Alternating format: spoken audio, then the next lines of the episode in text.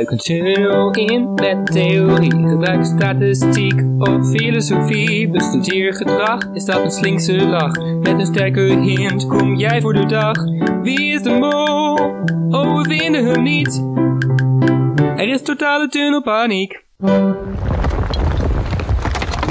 Totale tunnelpaniek. Hallo lieve luisteraars en welkom bij. Totale tunnelpaniek. Vandaag bespreken we aflevering 4 van seizoen 9 van De Mol. Naast Dennis, Robbe en ik, Tycho, hebben we wederom een hele leuke gast te gast. Een van onze trouwste luisteraars. Sommigen kennen hem als Monkey's Uncle, maar wij noemen hem gewoon Jan Willem. Welkom. Ja, dankjewel. Leuk om ook hier aan mee te mogen doen. Ja, nou ja, heb jij iets met de mol of met wie is de mol of kom je gewoon puur voor de gezelligheid? nou, ik heb wel iets met de mol. Alleen de Vlaamse mol, daar ben ik eigenlijk pas, nou, seizoen 8 heb ik dat live meegekeken. Ik was er zo enthousiast over dat ik eh, seizoenen 4 tot met 7 heb teruggekeken. Ja. Maar Wie is de Mol volg ik al sinds 2004. Dus nou, is een beetje rond Ah. Robbers geboorte, denk ik. Hier, eh, ben ik daarmee begonnen. 2005, dus ja. Ja, ja, ik heb, Jaren eh, later. En ik vind het ook heel prettig dat de Belgische Mol nu ook in ieder geval eh, apart bekeken wordt, losstaat van Wie is de Mol. Ik vind het ook echt twee verschillende programma's. En ik kijk er ook Ja. nou ja, op een andere manier naar. Ik ben hier veel minder bezig met theorieën en uitzoeken. Ik kijk vooral ook veel meer voor plezier. ja, dat is wel herkenbaar denk ik. Tenminste, voor mij geldt dat ook inderdaad. Ja, bij Wie is de Mol struin ik soms het forum af op wieisdemol.com. Van nou, wat is er allemaal te vinden? Ik merk dat ik dat nu...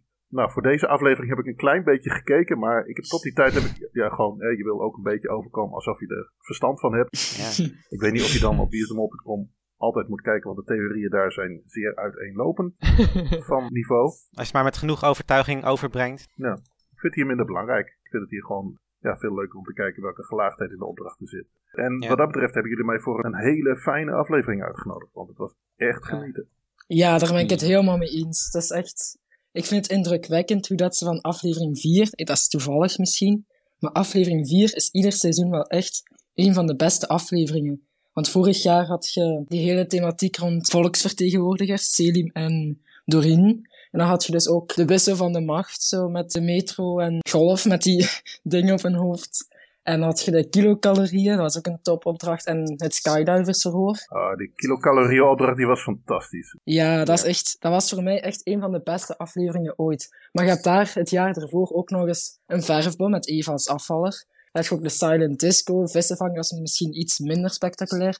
Maar ook gewoon de escape boot met Yuri, die daar op een legendarische wijze die boot opklimt. En waar de mol zelfs nog niet gebriefd was. Dus, en ja, dan Ja. had je alle seizoenen ervoor, allee, altijd topopdrachten, maar je kunt aflevering 4 er altijd bovenuit steken. En dat was deze keer eigenlijk ook weer echt het geval. Oké, ja, ik vind eigenlijk elke aflevering gewoon. Ik word elke keer weer van mijn stoel geblazen. Dus voor mij zijn ze allemaal van topniveau. Ik was wel iets minder onder de indruk van de hypnose vorige week, maar dat is bij deze wel echt tiendubbel zo goed gemaakt. Ik weet het bij die hypnose niet zo. Ik denk dat voor de mensen die daar niet in geloven, de drempel ook hoger is om dat interessant te vinden. Ik denk veel, dat veel mensen het juist leuk vinden dat ze ook dat soort dingen erin verwerken. En ook hoe je daarin kunt mollen. En waarom ze bepaalde kandidaten hebben uitgekozen om juist aan die opdracht mee te doen. Hè. Ja, Jan Willem, met welk dier zou jij je vergelijken? Nou, op het ogenblik staat hier een eh, Radler 0.0 naast me. Dat is met welk bier ik mij vergelijk. Oh, wauw. Oh ja. Nee, eh, met welk bier? Ja, die Ja. vraag had ik natuurlijk moeten zien aankomen hè, vanwege de start. Mijn gebruikersnaam is Monkey's Uncle. Maar eigenlijk is dat nou ja, naar een quote uit The Lion King. Dus je zou ook kunnen zeggen, eh, dan vergelijk je jezelf met de leeuw, Scar. Maar Ah. nee, eigenlijk vind ik mezelf meer eh, Timon, het stokstaartje. Ja, gewoon lekker enthousiast over, over van alles en nog wat. Wat eigenwijs. Ja, mijn vriendin zal het daar mee eens zijn, denk ik. Oké, de rest nog dieren. Welk dier, welk dier zou jij zijn, Robbe? Mag ik snel zo'n online test invullen, zodat ik dat even kan... Nee, daar hebben we geen tijd voor. ik heb geen idee eigenlijk. Ik, oh, ik heb daar ook niet over nagedacht. ik ga gewoon iets zeggen. Ik pak gewoon een mol. Ah, Ja. oké. En jij, Dennis? Ik een flamingo.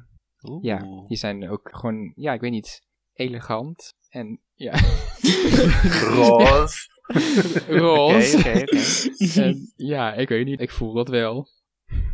Ja, je bent wat specifieker dan Lennart, zeg maar. Vogel. Ja, ja. Ja. inderdaad. Vogel kan nog echt van alles zijn. Ik bedoel, dat kan een roofvogel zijn, dat kan een flamingo zijn, dat kan een pinguïn zijn, dat kan een struisvogel zijn. Kip. Een huismus. Mhm. Ik vind mezelf wel een chameleon, om dezelfde reden als Katrien. Ja, daar herkende ik mezelf wel in. En Dennis, ik heb trouwens nog een vraag voor jou.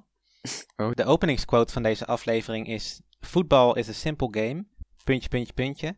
En at the end, the Germans win. Van Gary Lineker. Nu ik aan jou vragen, wat staat er bij de puntjes? A. Football is a simple game. It is 11 against 11. The ball is round. It ain't over till it's over. Every disadvantage have its advantage. And at the end, the Germans win. B. Football is a simple game. 22 men chase the ball for 90 minutes. And at the end, the Germans win. Of C. Football is a simple game. 8 people run around in bubbles. And at the end, the Germans win. B? Ja, heel goed. Maar ja, Oh. in dit geval is het eigenlijk meer C. ja, ja. Ja. Ja, zullen we maar meteen naar die opdracht gaan dan? Ja, willen we het nog hebben over dierenvergelijkingen? Waren er nog dierenvergelijkingen die jullie opvielen? Ik vond de lama wel apart. ja, die vond ik heel erg leuk. ja. Dat je dat eigenlijk ook gelijk voor je ziet van Samina die iemand in zijn gezicht tuft, zeg maar. Ja. Ja, tuft. Ik vond het een mooi woord. ja, dat zou misschien... Moet nu wel opeens... Dat schiet in mijn kop en dat moet eruit, hè. Verwijzing naar het eiland. Wat wil ik nu weer zeggen? Ah ja, Mol Gilles in Argentinië is wel eens gespuwd geweest door een lama. Dat komt nu ineens in mijn hoofd. Ik zeg het maar even. Ja, niet het dan... door een lama. Ja, die is tijdens de aflevering in Argentinië is die door een lama gespuugd geweest. Die lama heette Samina. Bedankt, Robbe, voor deze... Ja, ja, maar kijk, Of, of is het een verwijzing? Ja, Samina zegt dat hij een lama is, maar ja, ik weet het, het slaat eigenlijk nergens op, maar ja, Gilles werd een keer gespuugd door een lama, misschien ja, kan dan hint zijn van Gilles was de mol, ik ben ook de mol. Staat helemaal nergens op, want Samina is gewoon niet de mol, dus ja. Oké. Hm, ik vind het mooi dat je daar zo van overtuigd bent. Ook nog na deze aflevering. Ja, ze deed deze aflevering wel heel veel fout, dus dat... Ja, Ik viel me op dat geen van de kandidaten een vis was. Dat vind ik wel jammer. Ja, Lakshmi deed niet mee, hè? Nee. Nee. Nee, en we, we moeten eigenlijk ook nog wel het leadershot benoemen van Isidor. En hoe schattig Ja. dat was. Oh ja. ik ging helemaal stuk. Easy door zeven jaar. Ja. Eigenlijk nu gewoon wachten tot ze Isidor een keer een bieg laten doen. Ik vond trouwens ook nog opvallend dat Annelotte zichzelf met een kat vergeleek. En zichzelf dan gemeen en lief noemde. Soms een beetje gemeen en soms lief. Ik eh, dacht, nou, het zou een beetje naar zichzelf kunnen verwijzen. Jasmin die had als hond alleen maar lief en schattig. Maar Annelotte noemde zichzelf gemeen. Terwijl ze zich in de rest van de opdrachten eigenlijk altijd pretendeert als degene die de groep vertrouwt, zeg maar. Meest betrouwbare over. Ja. Vond ik nog wel opvallend, zeg maar. Hm, ja. Ja. Als je ergens een hint in zou moeten zien, dan zou het wel in dat zitten. Maar ik zou het wel een beetje voor de hand liggend vinden. Ja, dan kun je weer zeggen van, nou ja, maar daarom geloof ik het niet. Dus ligt het niet voor de hand. Maar En de kat die de hond verzorgt is ook wel weer bijzonder. dat is waar, ja, klopt. Maar goed, nou, laten we naar de eerste opdracht gaan. De groep rijdt naar het Olympiastadion in München. Daar gaan Jasmin en Annelotte samen met Svenny Boy en Lenny Boy voetballen in een veilige bubbel. Terwijl Katrien, Samina en Philip E-Boy penalties gaan stoppen. De groep speelt voor 4000 euro, maar voor elke penalty die de Duitsers scoren gaat er 1000 vanaf. De voetballers bepalen hoeveel penalties er gestopt moeten worden. Elke goal die ze maken is al één penalty minder. Bij de penalties kunnen de twee die niet in het doel staan raden welke kant de bal opgeschoten gaat worden middels vragen over uitspraken van bekende voetballers en voetbalcoaches. Er worden uiteindelijk vijf penalties genomen waarvan er slechts één gestopt wordt. Wel op een iconische manier. Eh, en daardoor verdient de groep dus niets. En Philip die zei al dat Jean-Marie Pfaff zou verschijnen, dus Philip is de mol. ik vond het ook wel grappig toen ik dat zag. Ik dacht, oh nee, het gaat toch niet waar zijn.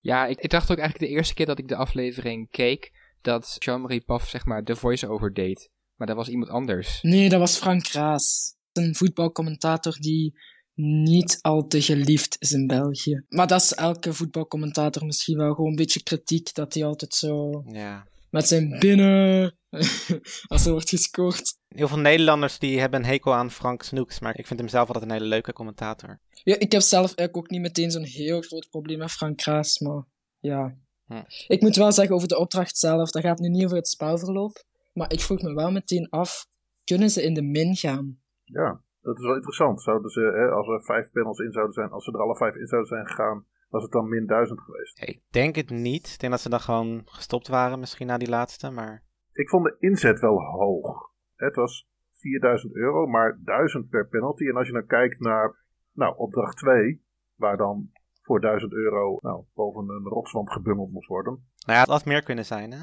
Ja. Ja. Want er kon 2000 euro daar verdiend worden en dat kon er verdubbeld worden. mhm. Dus eigenlijk twee keer 4000 euro. En in die laatste opdracht konden ze 5000 winnen. Maar sowieso bij de Vlaamse Mol doen ze best wel hoge bedragen waar ze voor spelen altijd. Ja. Konden ze 5000 euro verdienen, dat werd toch nooit verdiend. Theoretisch gezien was het mogelijk, maar Ja. ja, dat werd niet verdiend. Ja, dat dilemma wordt wel steeds... In het begin merk je wel... Ja, nu zijn we wel even een beetje te ver vooruit aan het gaan, maar het maakt niet uit. Ik ga het toch even zeggen. Het dilemma is eigenlijk... In het begin was er soms nog wel twijfel, maar je ziet wel... De kandidaten worden steeds competitiever, fanatieker en gaan steeds meer voor die pasvragen kiezen. Dus in dat geval, als je het zo bekijkt, zouden ze daar eigenlijk wel moeten proberen terug wat meer te balanceren. En Ja. het is ook wel... Die kritiek had ik ook bij Wie is de Mol dit jaar. En dat moet ik nu helaas toch herhalen. Ik vind de troeven aan de iets hogere kant deze keer. Maar moeten we deze bewaren voor opdracht 3? Nee, inderdaad. Laten we het eerst even hebben over de voetbalopdracht. Wie vonden jullie hier verdacht? Ja, Lennart, hè, die gaat twee keer over kop. Ik dacht, ja, je kunt beter over kop gaan voor de goal, dat daar geen bal binnen gaat. Ik moest zo lachen op die beentjes in de lucht ja. toen hij helemaal op de kop ging. Ja. Maar Sven heeft drie keer gescoord, geloof ik. Eh Lennart nul keer. Lotte Jasmin ook niet. Maar Sven heeft ook de grootste fouten gemaakt. In ieder geval wat je in beeld zag. Hè, die heeft ook een paar keer echt een doelpunt weggegeven of niet tegengehouden. Je kunt jezelf natuurlijk best ja, even heel stoer voordoen. Ik vond Lennart meer zijn best doen dan Sven. Hij heeft er ook een paar keer net naast geschoten. En ik heb wel zitten, in de tweede herhaling zitten kijken van nou, doet hij dat er nou om? Maar hij heeft hem ook wel pech gehad dat hij er twee keer niet inging. Het is wel goed om te weten dat Lennart voetbalt. Die speelt bij een voetbalclub. Mhm. Dus daar kun je wel naar kijken van, speelt hij goed voor zijn doen? Ik heb ook gevoetbald en ik weet ook dat dit soort bubbelspellen is gewoon veel lastiger inschatten. Je ziet wel aan Lennart dat hij hem probeert hè, met de binnenkant van zijn voet in het doel te schieten. En hij gaat net naast. Mhm. En één keer schiet hij van ver af. Gaat ook net naast. Ik, ik ben niet helemaal overtuigd van dat Lennart degene is die hier het meeste mond. Kijk, Jasmin en Annelotte waren duidelijk geen voetballers. Ik vind dat Robben ergens zo'n punt heeft. Ik denk wel dat als je voetbalt, dat je dan ook wat meer gebrand bent om jezelf ook te bewijzen op zo'n moment. Ik denk inderdaad dat het wel lastiger is natuurlijk met zo'n bubbel. Maar Mhm. ja, dat je het toch wel minstens één keer zou scoren. Of in ieder geval echt gewoon alles zou geven daarvoor. Ja. ja, want hebben jullie dat een keer gedaan met zo'n bubbel? Nee, lijkt me wel geniaal. Nee, ik heb een keer in een ander soort pak gevoetbald. Nou, in een, in een zo'n soort, soort levend tafelvoetbal, zeg maar. Dan word je vastgemaakt aan die, aan, die, aan die staven. En dan moet je gewoon op een luchtkussen moet je voetballen. En dat is ook, dat, als het anders is dan voetballen, eh, dan is het in één keer ook een heel stuk lastiger. Of je nou wel of niet kunt voetballen. Het schieten lukt dan nog steeds wel, maar gewoon mikken en timen. Oké. Maar jij hebt het wel een keer gedaan in een bubbel, Dennis. Het gedaan in Ja, een bubbel. Ja, ja, klopt. ja. Gedaan in het, ja. ik heb het wel eens- wel eens gedaan in een bubbel. Oké, ik, weet- ik weet niet of Ja. je daar ook tijgerpunten voor kan krijgen. Ik heb wel eens bubbelvoetbal gespeeld, inderdaad. En het is, het is best moeilijk, ja. Vooral als je, zeg maar, net als ik, gewoon niets weegt. En je dus behoorlijk eh, ver, kan, ver kan vallen als je weggeduwd wordt. Ja. Ja. het zal sowieso wat moeilijker zijn om zo te voetballen dan wanneer je niet zo'n pak aan hebt. Dat zal sowieso wel zo zijn. Je vraagt je ook af of die tegenstanders er wat in hebben kunnen oefenen of zo. Hè, dat weet je gewoon niet. En misschien hebben die dat wel een paar keer geprobeerd en geoefend. Alhoewel ik ze ook nou niet...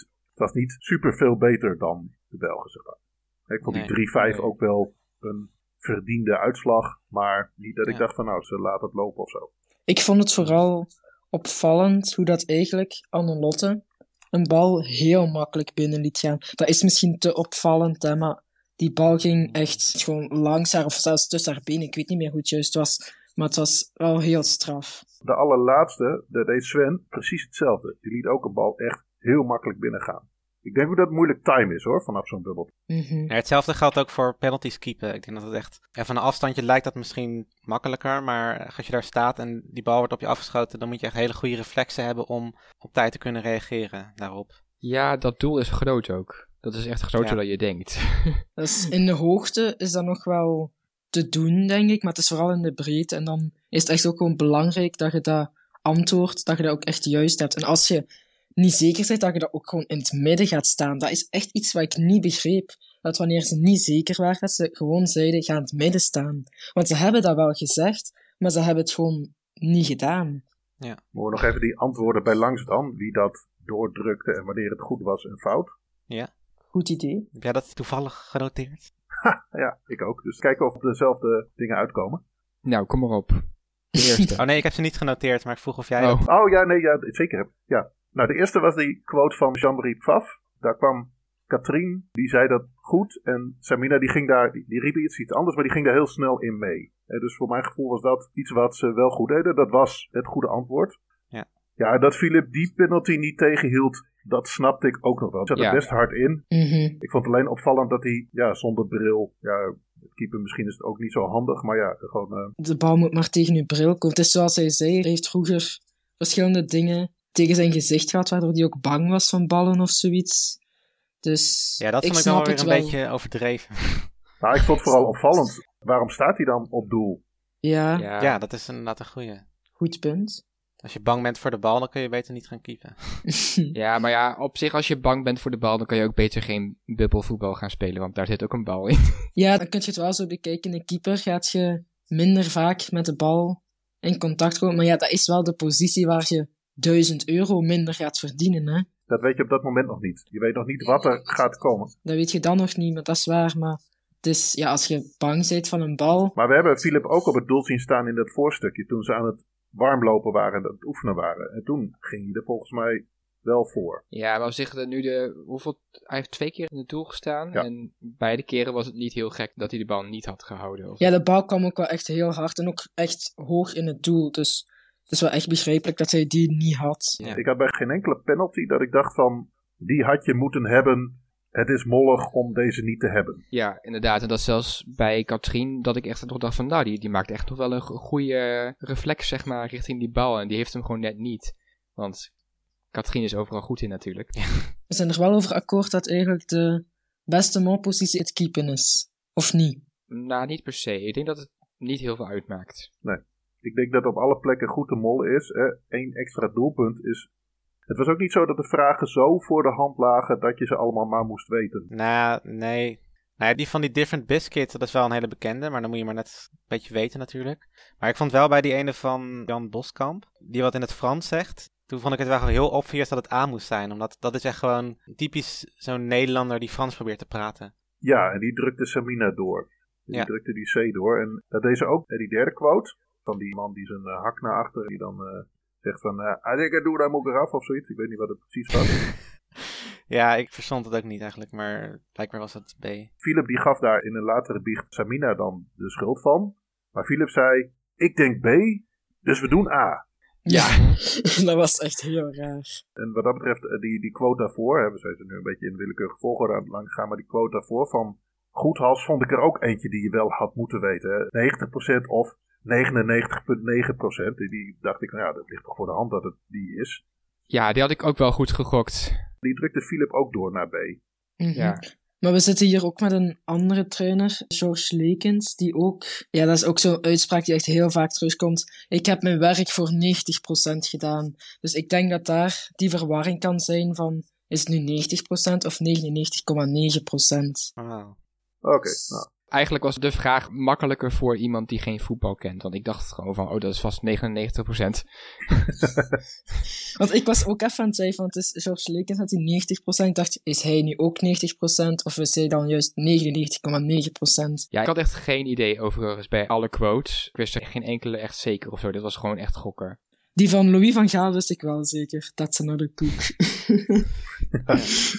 Ik heb me nog zitten afvragen, gewoon, ik, het zou dan zogenaamd steenkolen Engels moeten zijn, hè? That's another cook. Hij zegt daarbij, in Holland we say that's another cook, maar Mhm. welke quote bedoelt hij dan? Dat is een andere kok? Of een, Een andere koek. Dat is iets anders. dat is andere Ja. koek. Hij zegt dat volgens mij voor de match tegen Chelsea van Oh ja. dat hij waarschijnlijk eerst een match heeft gespeeld die wat makkelijker was of zo. En dat hij dan tegen Chelsea moest van oeh, dat is een moeilijkere ploeg. Dat wordt een andere match. Dat gaat moeilijker worden. Dat is another cook. Zoiets zou het wel Ja. zijn. Mijn steenkool, stone cold English is not so good. Ja. ja, maar op zich met de vergelijking met een kok werkt het nog wel enigszins, denk ik. Als spreekwoord. Alleen met een andere betekenis. Maar het, het werkt nog wel enigszins.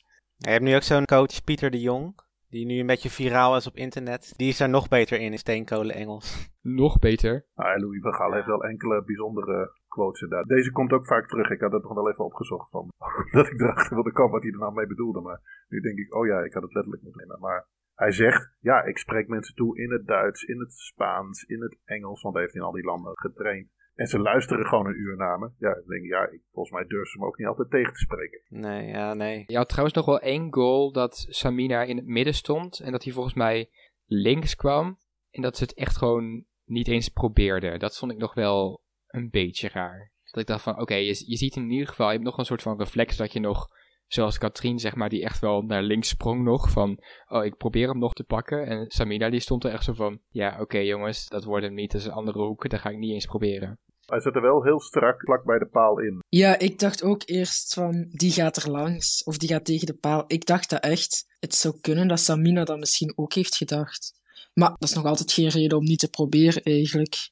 Ja, sowieso lijkt het me wel grappig. Wat zouden ze gedaan hebben op het moment dat een van die penaltynemers in het verkeerde vak schiet? Per ongeluk. Want ja, je moet wel een penalty op doel schieten. Dat gebeurt ook wel eens niet. En dan moet je hem ook nog in het juiste vak schieten. Ja, dat vroeg ik me inderdaad ook af, ja. Gewoon overnieuw misschien wel. Ja, dat zou kunnen. Ja, Maar ja, dan weten ze wel waar ze heen moeten.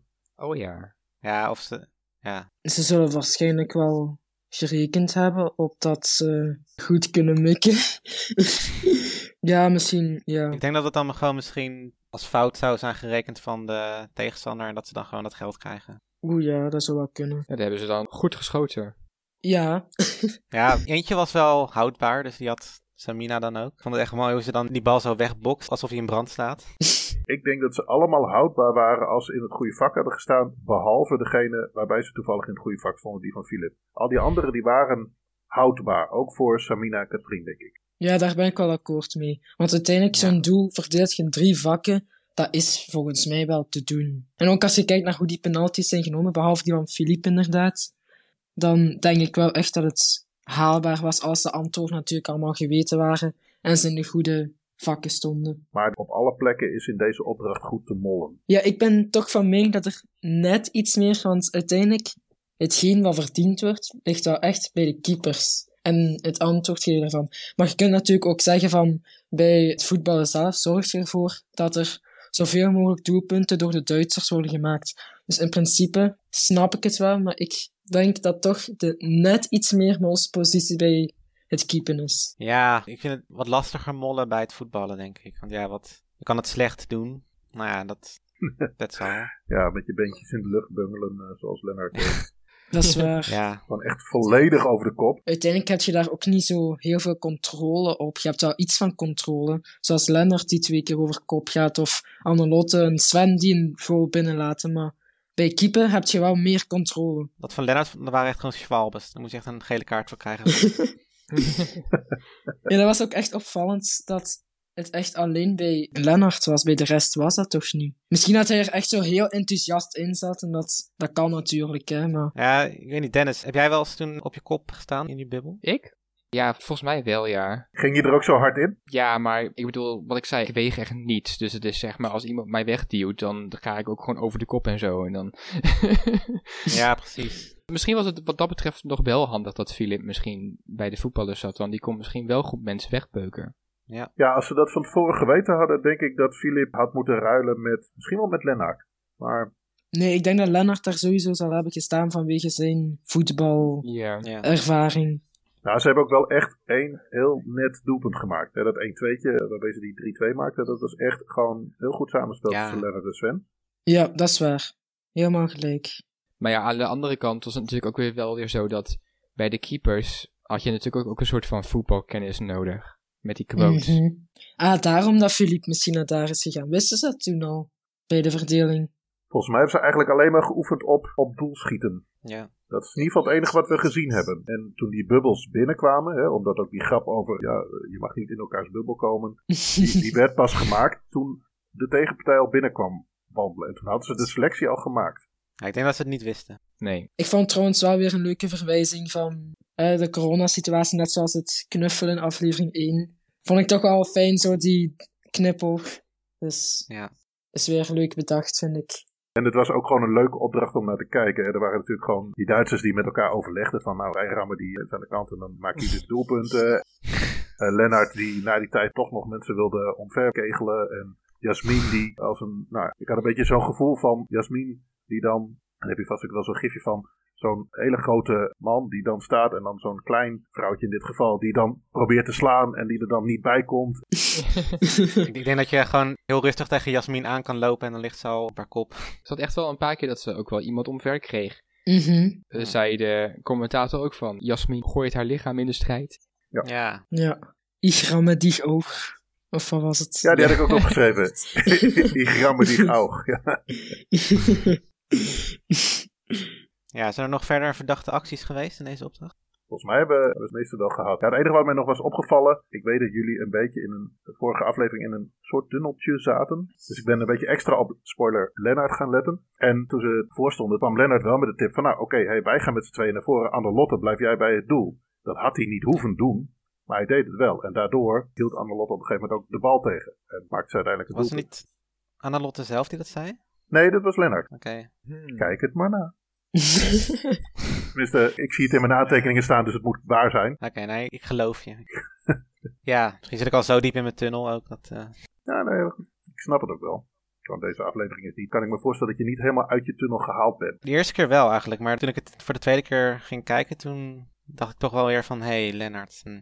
Maar goed, laten we daar, kom ik straks nog wel op terug bij de competitie. Ja, dit wordt er wel uitgeknipt, hè? Misschien, misschien. nee, nu gaan we het erin houden. Ja. Oké, ja, zullen we dan maar naar de volgende opdracht? Of... Moeten we er tussendoor nog even? Ze rijden nu weg uit München. Ja. Ja, dan komen ze eh, al in dat eh, prachtige Beierse Alpen aan. Mhm. Het eerste wat mij opviel was die langslopende kinderboerderij. En dat bedden opmaken, dat was ook nou ja, een bijzondere scène. Dan denk ik soms van, wat doen die mannen thuis? Niets. Ja.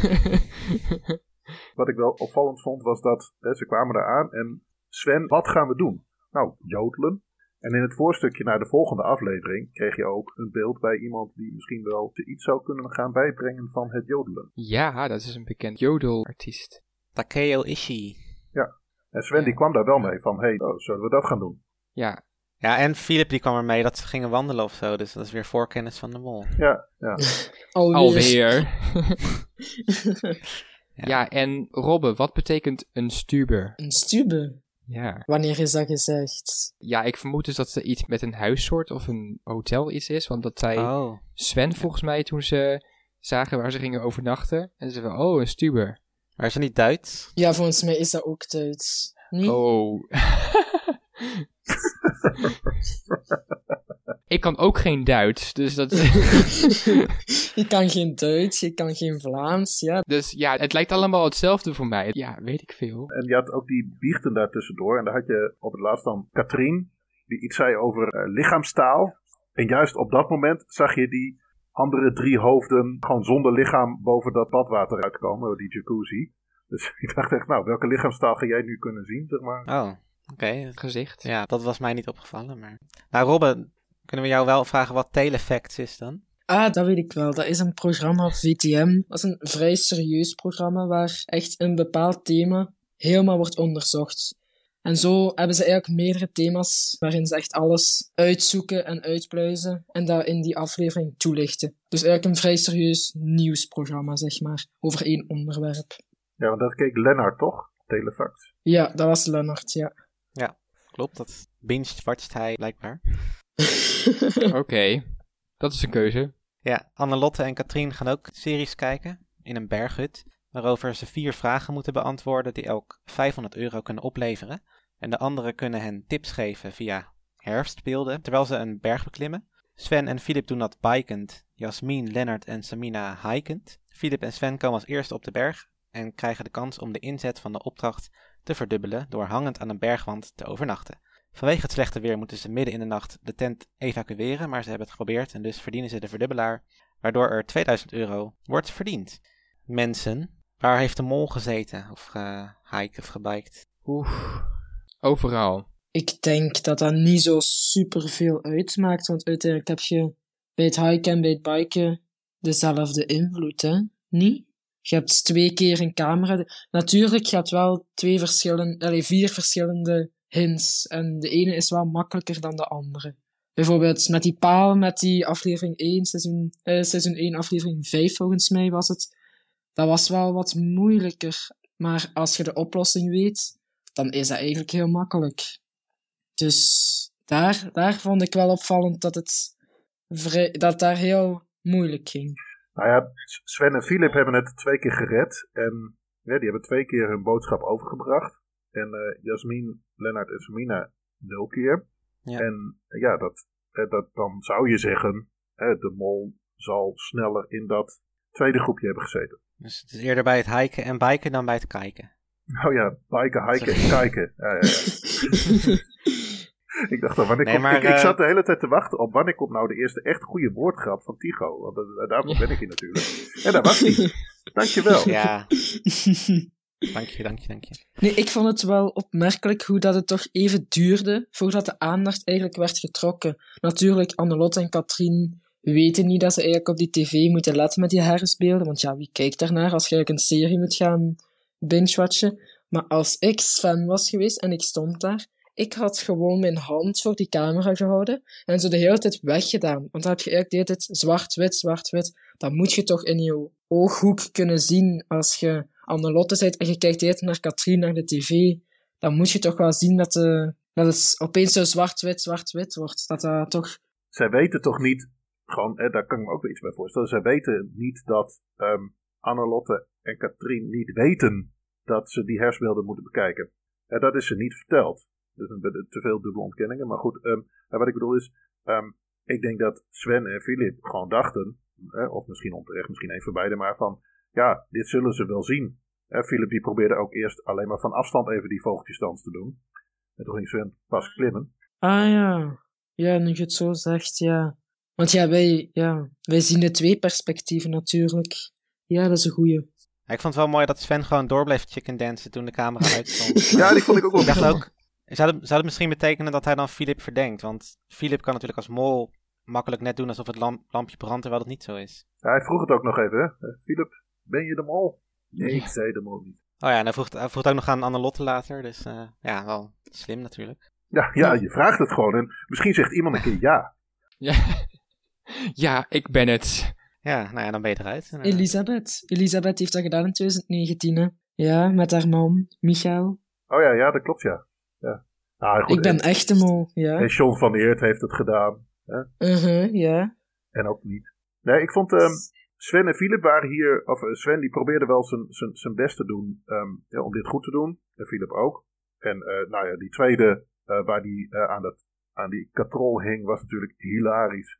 Gewoon, ook omdat ze het volledig onaangekondigd deden. Van nou, in één keer komt dat nou, um, lijf van Philip in beeld. Hè, een paar keer tegen de kant aan botsen. Ik, gewoon, ik, ergens vind ik het heel jammer dat ze dat voorstukje daarvan niet hebben laten zien. Van hoe die dan helemaal uh, be, be, beschilderd werd. En, uh, uh, maar ja, het, was ook, het kwam er ook inderdaad als een soort van, nou, wat is die man daar aan het doen? die zal maar een toevallig langslopende hiker zijn geweest. En dan zie je daar in één keer, zie je daar in één keer zo'n zo'n 53-jarige Vlaming bungelen. Um, maar dat hield hij wel lang vol, Philip. Uh, ja, dat vond hij ik hing daar best een tijd. Mm -hmm. Ja. Was een soort van nieuwe versie van uh, Miley Cyrus haar uh, Wrecking Ball. ja, dat, dan, had hij zo, dan had hij zo echt zo de camera in moeten. Nou, ik ben blij dat hij niet helemaal Miley Cyrus ging. Ja, ik vond het wel jammer dat het, dat eigenlijk niet het, het, het beeld was waar, uh, waar Annelotte en Katrien opmerkten dat er hints werden getoond. Dat dat het eerste was dat ze, ging, dat ze zagen in plaats van Sven. Dat zou wel leuk zijn.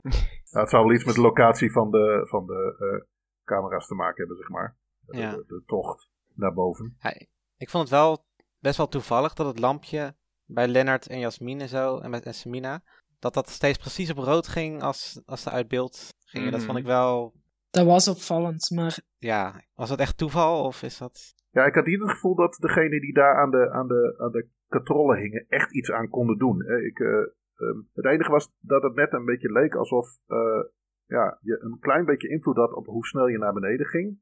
Maar ook weer niet superveel. Ja. ja, bij Jasmin ging het wel veel trager dan bij eh Lennart. Dat viel wel op. Maar ja, dat kan natuurlijk ook zo lijken door de montage. Maar het, het was toch wel iets dat opviel.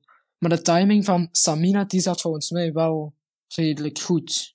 Nou ja, daarom wat je zou zeggen, want zij heeft dus de aantal seconden wel bijgehouden. En dan, Mhm. ja, dan zegt ze op een gegeven moment van, oh, ik heb verkeerd geteld of zo, maar dat vind ik toch raar. Ja, dat was een bepaald moment dat Samina en Jasmin, dat die, ehm, en dat was een communicatieprobleem, want Jasmin dacht dat het 15 seconden niet in beeld was en 40 seconden wel in beeld, terwijl het eigenlijk omgekeerd was. was best raar dat daar een communicatieprobleem bij was Ja, voorgekomen. klopt, maar toen daarna, toen Lennart nog een keer ging, toen hadden ze ook weer verkeerd geteld of zo.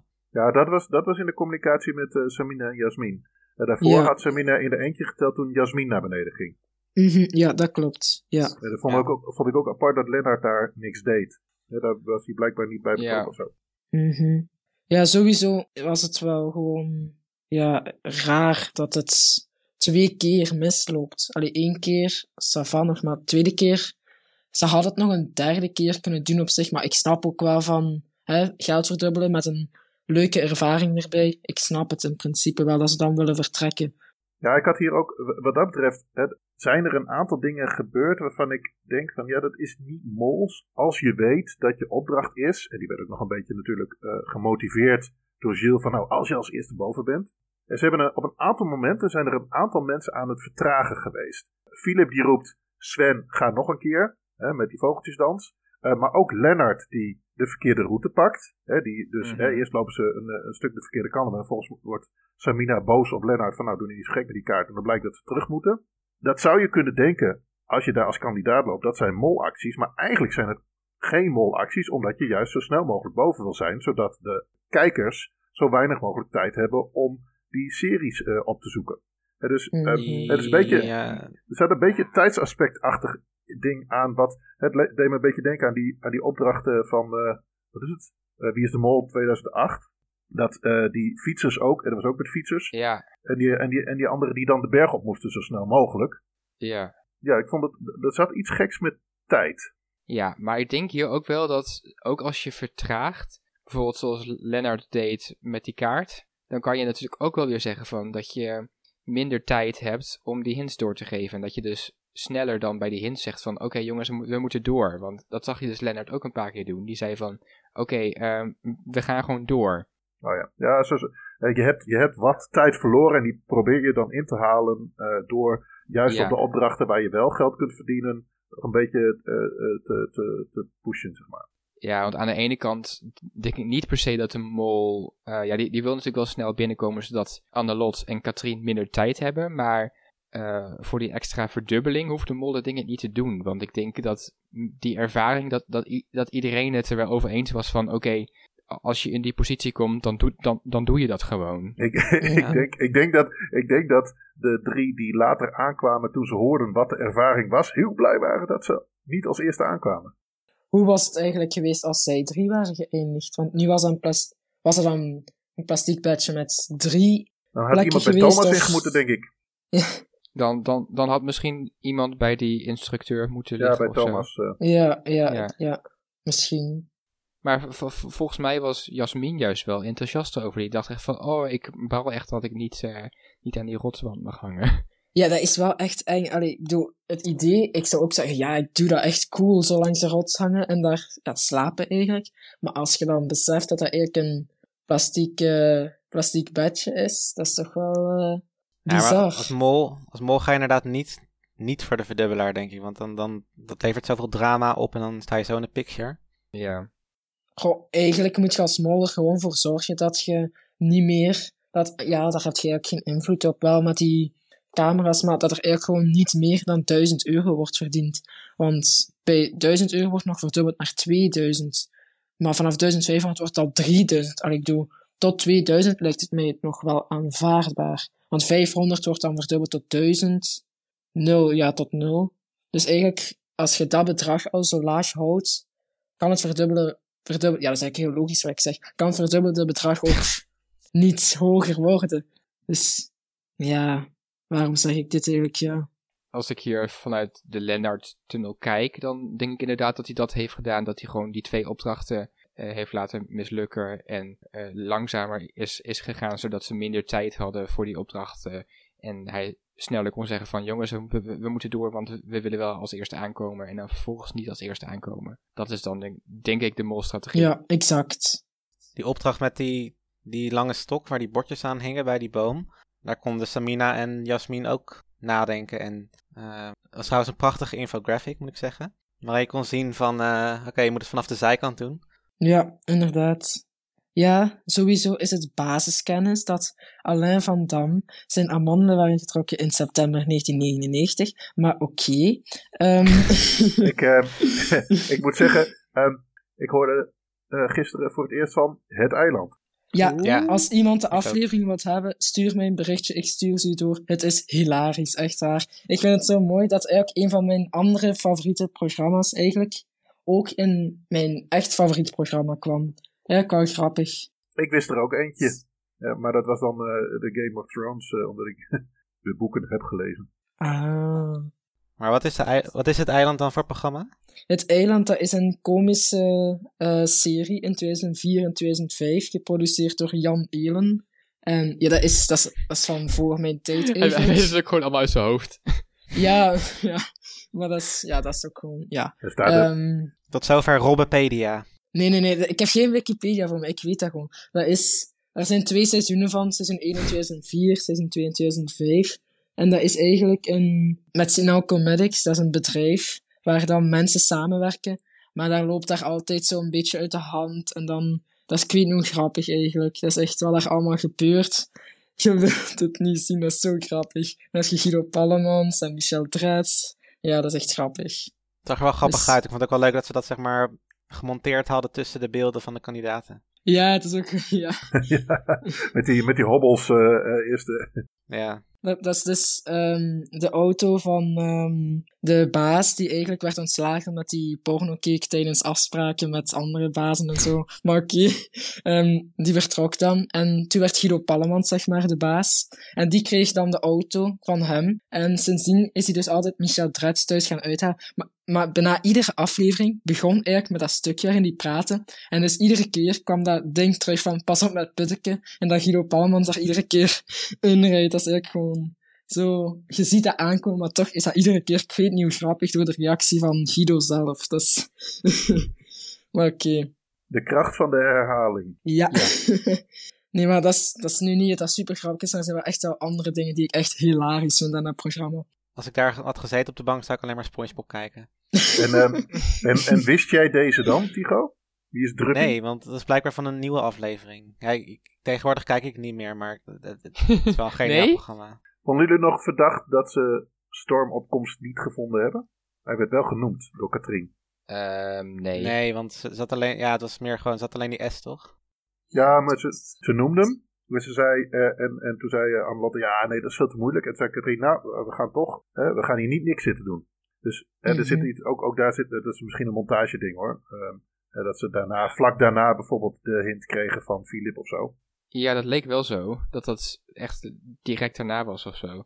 Dus ja. ik had wel inderdaad het idee, het idee dat ze dan heel snel gewoon bezig gingen met de hint die ze van Philip kregen. Die oh my god van Annelotte was echt heel grappig. Ja, Annelotte reacties zijn sowieso wel vaak echt grappig. Daar kun je echt gifjes van blijven maken. Ik zat trouwens ook echt letterlijk dat te denken van, oh, hier, dit, moet ik aan Robben vragen om hier een gifje van te maken. Dus hij reageerde van, uh, schiet nou op, schiet nou op. Ja. ja. ja. ik, vond, ik, vond, ik vond Katrien trouwens ook erg grappig. Met, uh, gewoon, uh, toen waren ze die bruiloft aan het opzoeken. En toen uh, zagen ze wat uh, kooidansers en zo. ja, mensen in een kooi. Ja, dat was toch niet op mijn trouw? ja, dat ja. ik ook grappig, ja. Maar... Ja, en echt uh, Annelot die dan helemaal een beetje er doorheen zat van... Gaan ze weer op dates? Hoe vaak doen ze dat in dit programma? Ja, nou, weer seks, werd er ook gezegd. doen, ze, Ja. doen ze een keer iets anders of zo? Nee, nee, oké. Nee, dat is eh, Sex in the City. Maar wat ik dus eigenlijk opvallend vond aan die stormopkomst, de S, allee, ze waren er niet zeker van, maar dat is wel de enige aanknopingspunt dat je hebt. En ja, ik, het is moeilijk in te schatten hoeveel tijd ze eigenlijk nog effectief hadden, maar ik denk wel, en zeker als stormopkomst dan wordt genoemd, dat je dan daar toch even snel doorheen kunt scrollen. Nou ja, dat is, een beetje, eh, dat is een beetje het punt wat Dennis volgens mij ook net maakte. Van ja, als vlak daarna dat eh logge lijf van Philip in beeld zwaait, dan ben je Ja. niet meer bezig met die stormopkomst. Want dan komt er een ander soort storm op je af. Ja. Namelijk Ja. emoties. ehm, ja. Ja, ik snap het wel, want hier is het gewoon niet heel duidelijk hoeveel tijd er eigenlijk tussen zat. Ik moet nog wel een mooie montage opmerken toen ze in het tentje lagen. Toen, eh, eh, eh, heet dat, hoorde je zo'n zo'n zo'n lach van Philip die een beetje op zo'n jokerlach eh uit het vorige Wie is de Mol seizoen lijkt, zeg maar. Dat is wel Ja. ook wel super, super mooi gemonteerd. Daar is hij weer de joker hint. Ik, vond, ik vond wel dat ik. ehm, daarin, ook daarin vond ik Philip weer helemaal niet mols. Want hij deed echt zijn uiterste best om Sven er ook bij te houden. Zeg maar Sven die zat nog een beetje zo van: Ja. Nou, ik vind het. hmm, eh, ik vind het spannend, ik vind het eng. Of nou ja, gewoon eng niet per se, maar. Ja, ik zag er wel een beetje tegenop. En Philip die ging als een soort. eh, nou, eh, ehm, ja, echt een motivator van. Nou, tjaka, we gaan ervoor. We gaan in, eh, eh, we gaan in dit tentje en we hebben de nacht van ons leven. Gewoon, ik had echt het idee dat dat hij dacht dat hij naar een drie-sterren hotel ging of zo. Ja, maar dat is ook een beetje Sven's karakter, toch? Dat hij veel klaagt over dingen en dat hij wandelen nutteloos vindt en dat hij in een tentje... eh, Maar dat is net zo grappig aan hem, dat hij altijd zo, weet je, van, eh, is, maar dat hij daardoor gewoon grappig is. Nou ja, en, Door- en hij houdt niet van knuffelen. Maar hij springt vervolgens wel weer Philip in de armen op het moment dat ze als eerste boven zijn. Ik vind dat, eh, ja. Misschien houdt hij niet van groepsknuffelen, maar wel van individueel knuffelen. Ik weet niet. Hugo, dat, dat heb ik niet gelezen op wieisdemol.com van Heinz. Ehm, eh, Hugo van de eerste seizoenen van De Mol, die, is, die, was eerst ook niet zo'n knuffelaar. En uiteindelijk toen hij thuis kwam, dat is, in dat is in een interview geweest, heeft hij zijn vrouw gezegd van, wow, Hugo is echt opeens een knuffeldier geworden. Dus ik denk dat dat wel een invloed is. Allee, je zou het- dat zou wel een invloed van dat programma geweest zijn, van met die mensen te zijn. Ja, ik denk dat, je, ik denk dat het ook intens is. En dat je dan daarom misschien ook juist in zo'n bubbel nou, enorm naar elkaar toe trekt. Mhm, ja. als je maar genoeg eh, groepsdruk hebt, dan komt het voor elkaar. Ik vond het wel eng om te horen dat ze niet zo eh lepel, lepelke lepelke mochten liggen, omdat ze anders zouden kantelen of zo. Ik dacht, oh nee, dit is toch echt gevaarlijk. Ja, je ligt daar te slapen en je draait je om. Gewoon. Ja, ik weet niet ja je- dat is wat ik gewoon, dacht. ik, lig, ik lig 's ochtends nooit op dezelfde plek in mijn bed als waar ik s'avonds ben gestart, zeg maar. Eh, nou, dat wil je daar niet. Ja, het is ook niet heel, heel chill om te horen dat je echt meteen aan het limiet zit van het gewicht. Ja. Ja. Maar ik zat nog te denken, wat, wat nou als ze de keuze hadden gekregen om te slapen in dat tentje met Yvonne van der Hurk? of, dat, of, dat, of dat Natja zo in die tent sprong. Oh ja, ja. Met een snoepduik natuurlijk. Ja, dat was een eh, flinke snoekduik geweest. ja. Ja, ja, ja. Oh. Ik moest ook wel, ik moest ook wel lachen om, eh, om, om die arme Lennart die een beetje toenadering probeert te zoeken. Terwijl vier vrouwen bezig waren met de prickly pear face mask. En eh, dat hij toen vervolgens eh, het kleine uit de mond stinkende eh Isidore eh, meekreeg. Jasmin. Ja, ja, ja. Ja. Maar daar vond ik echt, Lennart, ik, ik vind hem al heel het seizoen lang echt mega hard op Stijn lijken. Maar nu ik hem ook nog eens met een bril zie, zoals we Stijn ook vaker hebben gezien in seizoen 4 in Argentinië, dacht ik wel, wow, die lijkt er echt mega hard op. Dat is echt niet normaal hoe, hoe qua Wie was uiterlijk. die Stijn? Stijn die, ehm, die veel met Hanne was, zo in seizoen 4.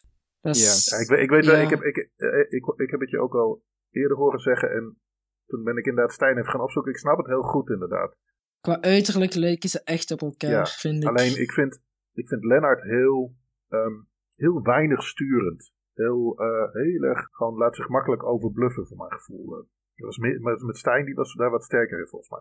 Ja, ik kan, me- ik kan me even niet, gauw niet meer herinneren hoe die eruit ziet. Maar verder nog iets over deze opdracht? Of? Nee, ja, ik, ik vond het dus zeg maar in een tuss- tussenstukje nog wel ook. Dat ik toen dacht van, oké, Isidor gaat met, met Lennart mee. Maar als Lennart een mol is, da- dan heeft hij eventjes tijd alleen met, eh, met Isidor om eh, verkeerde trucjes aan te leren en zo. Oh. Ja, alleen hij ging er niet zelf... Ja, hij ging wel zeggen dat hij eenzaam was, dat klopt. Gewoon Isidor vergiftigen, zodat die knop gewoon niet ingedrukt kan worden. Voilà, opgelost. Dat is de beste molactie Ah, ooit. een, halve liter bier. Half leeg. Hè? Gewoon, dat had hij zo aan Isidor kunnen geven. Ja. Mogelijke Eh. molactie. En ik moest wel weer lachen om eh eh, Philippe, die dan zijn letters niet goed van zijn buik had gewassen. Maar Ja. Zo die momenten tussendoor, ik vind dat altijd heerlijk. Die, dat is altijd hilarisch. Ja, daar kan ik inderdaad wel meer over opschrijven dan... eh, ja. ja, ik heb ook inderdaad, als ik dan voor de tweede keer kijk, dat ik echt allemaal van die kleine details opmerk die ik dan de eerste keer helemaal niet mij zijn opgevallen nog. Mhm, ja, dat is wel echt waar. Ja, dus aanraden om eh, twee keer te kijken. Ja, maar de eerste keer moet je met plezier kijken. Dat doe ik, ik schrijf nooit iets op of zo tijdens de eerste keer. Het is dan de tweede keer Ja. dat ik wel een paar overzichtjes maak, maar... Ik, voelde wat, ik voelde wat druk, dus ik, eh, ik heb de eerste keer wel met een eh, bloknoot erbij gezeten. Maar Ja, daar is ook niks mis mee, hè. Als je... Ja, daar is niks mis mee. nee, Het ding is wel dat ik, ik, ik kijk het ook altijd twee, twee keer zeg maar ter voorbereiding voor de podcast, maar het is best wel, deze aflevering duurt ook weer 1 minuut of 1 uur en 20 minuten. Het is best wel, Is, eh, is dat met reclame erbij? Ja, toch, hè? nee zonder reclame. Zonder Zonder- reclame 1 uur 20 minuten? Ja. Echt? Dan is die toch langer dan anders? Ja, normaal is iets van 1 uur en 5 à 10 minuten of zo. Maar... Oké, ja. Nou ja, en, en, en we hebben natuurlijk ook nog het, een beetje het nadeel dat we hem in Nederland eh, pas een eh, anderhalf uur later kunnen bekijken. Dus dan heb jij hem al Mhm. een keer gezien, Robbe. En dan moeten wij nog. Ja, ja, ja. Oké. Opdracht 3. Tycho wilde beginnen met het voorlezen van de derde opdracht. Robbe, de Vlaming in de groep, onderbrak hem en zei dat hij nog iets wilde opmerken over de piano-opdracht. Oh nee, de piano-opdracht. Daar wilde ik nog iets over zeggen. Tycho zei: Nee, Robbe, daar heb je al meer dan genoeg over gezegd. We gaan nu naar de volgende opdracht. Daarin moeten de kandidaten aanschuiven aan een tafel waar servies, bestek, glazen en een bom op ligt. Zodra ze gaan zitten, krijgen ze te horen dat twee van hen op de ontsteker van de bom zitten en als zij opstaan, ontploft de bom en kan er geen geld meer verdiend worden. Aan de hand van het eten, die alleen bij de twee juiste personen goed smaakt, kunnen ze aan elkaars reacties zien wie dat niet zijn en die personen laten opstaan. Maar de twee die overblijven kunnen in plaats van het geld ook voor pasvragen kiezen.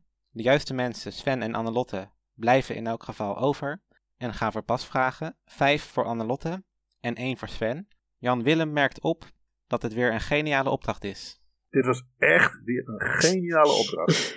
Ja, inderdaad, helemaal mee. dat was trouwens wel echt hilarisch. Zo'n superspannende opdracht. En Gilles de Koster maakt die met, met die voice-over gewoon ook... Hij brengt er gewoon extra humor in door die extra voice-over. Dat vond ik echt wel geniaal, eigenlijk. Ook met Samina. Dat is wel pikant. Samina heeft hier wel echt gewoon bewezen dat ze niet een mol is, toch? Ja, dat denk ik wel. Ja, denk ik ook. Dat Lennart het niet snapte, vond ik opvallend, laat ik het zo zeggen. Dat had een molse actie kunnen zijn, doen alsof je het niet snapt. Hè, Van dat je wat moet zeggen. Ik heb het idee dat hij weer onder hypnose was of zo, want... Maar het viel me wel op dat hij eigenlijk steeds verdacht werd gemaakt door Gilles. Ja, dat vond ik dus ook. En dat heeft mij wel doen twijfelen tijdens die opdracht. Van, volgens mij is hij tot twee of drie keer zelfs benoemd van... Lennart bleef weer heel rustig en wilde toch even iets zeggen, zoiets was het. Dat vond ik toch wel opvallend. Ik heb het gedurfd, want eh, het was ook iets wat, eh, wat, wat tijdens de mol, eh, tij- op, op het wieisdemol.com forum. Moeten jullie allemaal gaan kijken. Dan heb ik nu even over van Jan, die dat altijd zegt. Hè? Dus er worden altijd hele leuke dingen gezegd. Ja, ja. Oh, wat, wat, is, de, wat is de link van die... eh, Eh, volgens mij is dat wieisdemol.be. B, nee, het is be.wieisdemol.com. Oeh, zei ik de fout. Ja. Oh jee. Nou, Ja. dankjewel Robert voor deze verbetering. Jij weet dat beter dan ik. Yep. Nee, maar ik, eh, daar, daar werd namelijk eh, gezegd dat Gilles dit spel wel heel erg aan het sturen was. Eh, ook om, nou ja, hij benoemde Annelotte helemaal niet. eh, qua hoe zij zich Oeh, gedroeg. echt? Meent je dat? Hij heeft, hij heeft, Annelotte, Mhm. hij heeft Anne- Annelotte alleen maar genoemd als eh, ze mocht een keertje tellen. Ehm, Oeh. Hij heeft Sven één keer genoemd met zijn kuchje. Maar hij heeft eh eh, eh, Katrien een, eh, eh, eh, twee keer genoemd, ook met de rode wangen. Hij heeft Lennart ook twee keer genoemd. Hij heeft Philip genoemd. Hè, dus het het Ja, maar- voelde ook een beetje sturend af en toe. Wat hij Samina, deed. Samina en Jasmin, had hij, Ja- Samina die benoemde hij alleen omdat zij er zelf over begon volgens mij. Maar Klopt. Nee, eh, Samina heeft hij inderdaad ook niet genoemd, maar die, werd- die lag ook al onder de bus eigenlijk. Ja. Ja. Hè, dat, er werd gezegd van, ja, hou jij je nou maar stil. Het is leuk dat je dat zegt, maar eh, eh, we willen even de tweede eh, eh, uitzoeken waar we op gaan stemmen, zeg maar. Zo, zo ging het een beetje. Mhm. Maar wil je als mol op de stoel zitten met de ontsteker? Of? Dat vind ik wel een interessante vraag, want eigenlijk kunt je u ook al afvragen, weet de mol welke stoelen ehm Ja, bom denk ik wel. Ja? Denk Want- ik wel. Ik zie eigenlijk in beide ehm, opties zie ik wel enkele voordelen. Want als je op een bomstoel zit, zou hij bewust slecht kunnen liegen en zo hopen weggestemd te worden, waardoor er al één bomstoel weg is. Of hij kan proberen goed te liegen, zodat hij kan blijven zitten tot het einde. Er is natuurlijk niet volledige invloed op, maar je kunt toch proberen. En dan op het einde ervoor zorgen dat er ook voor de pasvragen wordt gegaan. Nou ja, ik vind het wel interessant dat ehm, bij de eerste kaartjes stonden de namen van Sven en Annelotte er niet op. Dus dat betekent dat de mol dus sowieso niet een van hen had aangeduid op dat moment. Nee, maar ik weet ook niet of je als mol nu iets ehm, moet gaan sturen met. eh, hè, je wil vooral jezelf verdedigen. Je ziet dat andere mensen verdacht zijn. Dus je gaat de mensen noemen die verdacht zijn, want die krijgen meer stemmen. Ja, maar je wilt toch uiteindelijk dat de mensen die op de bomstoelen zitten er zo snel mogelijk uitgaan, toch? Ehm, nou, niet per se, want ik denk, ik denk dat je als mol moet denken van... eh, deze opdracht gaat sowieso wel verliezen als mensen gewoon voor pasvragen gaan. Dus je moet eigenlijk bedenken van, oké, welke persoon gaat er voor het geld? Dus eigenlijk is het, is het heel logisch bijvoorbeeld voor de mol om als eerste Samina weg, weg te werken. Want daarvan ben je het minst zeker dat die, als zij op de juiste stoel, stoel zit, Mhm. dat zij voor de pasvragen gaat. Of Ja. als ze overblijft aan het einde, on- ondanks dat ze niet, niet op een Maar is Annelotte dan niet nummer 2 daarin? Kijk, die ging nu voor de pasvragen, maar Annelotte heeft ook al in een eerdere ronde, zeg maar, is ze wel voor het geld gegaan. Ja, maar daar wilden ze wel eerst voor de pasvragen gaan, hè? Want daar heeft ze gezegd, moeten we heiliger zijn dan de paus? Uiteindelijk hebben we daar niet de volledige beelden van gezien van hoe die beslissing uiteindelijk tot stand is gekomen, maar... Ja, maar dat wist de mol misschien niet. Maar uh ja, dat is waar. ik, ik, ik had het wel interessanter gevonden als de verdeling bij die pasvragen 6-0 was. Want dan, dan was het basically gewoon een vrijstelling tegenover niks. Maar dan, Ik vond dit verreweg de interessantste verdeling. Hè? Juist omdat er voor Sven ook een, nog een voordeel in zat om te blijven zitten, maar wel een heel groot nadeel ten opzichte van Annelotte. En nou, hè, Ja. dat is ook een van die dingen die me direct opviel, is Sven ging als allereerste zitten. Pakte de stoel in het midden. Dat is ook niet een hele logische stoel om als eerste te pakken. En ging daar zitten. Ik vond Ja. daar ehm, hè, de, de andere, hè, ik heb gewoon even gekeken, de andere die gingen redelijk ehm, nou, ja, waar ze stonden zitten. Ja, vrij logisch. Hè, maar Mhm. Sven die, die, die, die begon al te lopen voordat Gilles uitgesproken was. Maar ik zie Sven eigenlijk ook wel echt gewoon, als je kijkt naar hoe hij is, dat gewoon bewust doen, bewust doen om zichzelf een beetje verdacht neer te zetten. Ja, maar hij van- weet dit toch niet? Ja, ah ja, dat is waar. Hij weet het niet. Hij ehm, helpt Annelotte. Hè, want hij, eh, eh, hij zei op een gegeven moment eh, in de eerste ronde, zei hij van nou, over, over Annelotte hoef ik niet te hebben. Als Sven de mol is, hè, dan heeft hij dit wel handig gespeeld. Want joh, wat, eh, die ene eh, pasvraag kan hem dan niet zoveel schelen. Hij, Mhm. hè, dat de 5 krijgt en hij 1. Ik, Ja. ik vind dit best een interessante. dit, dit, wij- deze wijst voor mij heel erg in de richting van Sven, deze opdracht. nou ja, de eerste keer, eerste keer dat ik keek, toen had ik dat ook, dat gevoel. Maar de tweede keer toen dacht ik eigenlijk, ehm, ja, hij, hij zou het zo goed spelen, eigenlijk, dit als mol. Ik vond hem zo kandidaat daar zitten eigenlijk, hoe geconcentreerd hij op alles reageerde. En, en ja, ik, ik, had wel zoiets van, ik hoop dat hij het is, maar Ja, inderdaad. Ik, zie, ik heb juist gezegd waarom de mol op een bomstoel zou willen gaan zitten. En daar zijn wel een paar voordelen bij, maar volgens mij is het grootste voordeel wel echt als je niet op een bomstoel gaat zitten. En daar, daar zie ik dus echt Lennart eigenlijk als mogelijke optie, maar dus ook Sven. Want als je niet op een bomstoel zit, dan wil je tot het einde blijven zitten. En op die manier heb je sowieso al één bomstoel weggespeeld. En doordat je er op het einde nog in zit, kan, kunt je eigenlijk verzekeren dat er voor pasvragen wordt gegaan.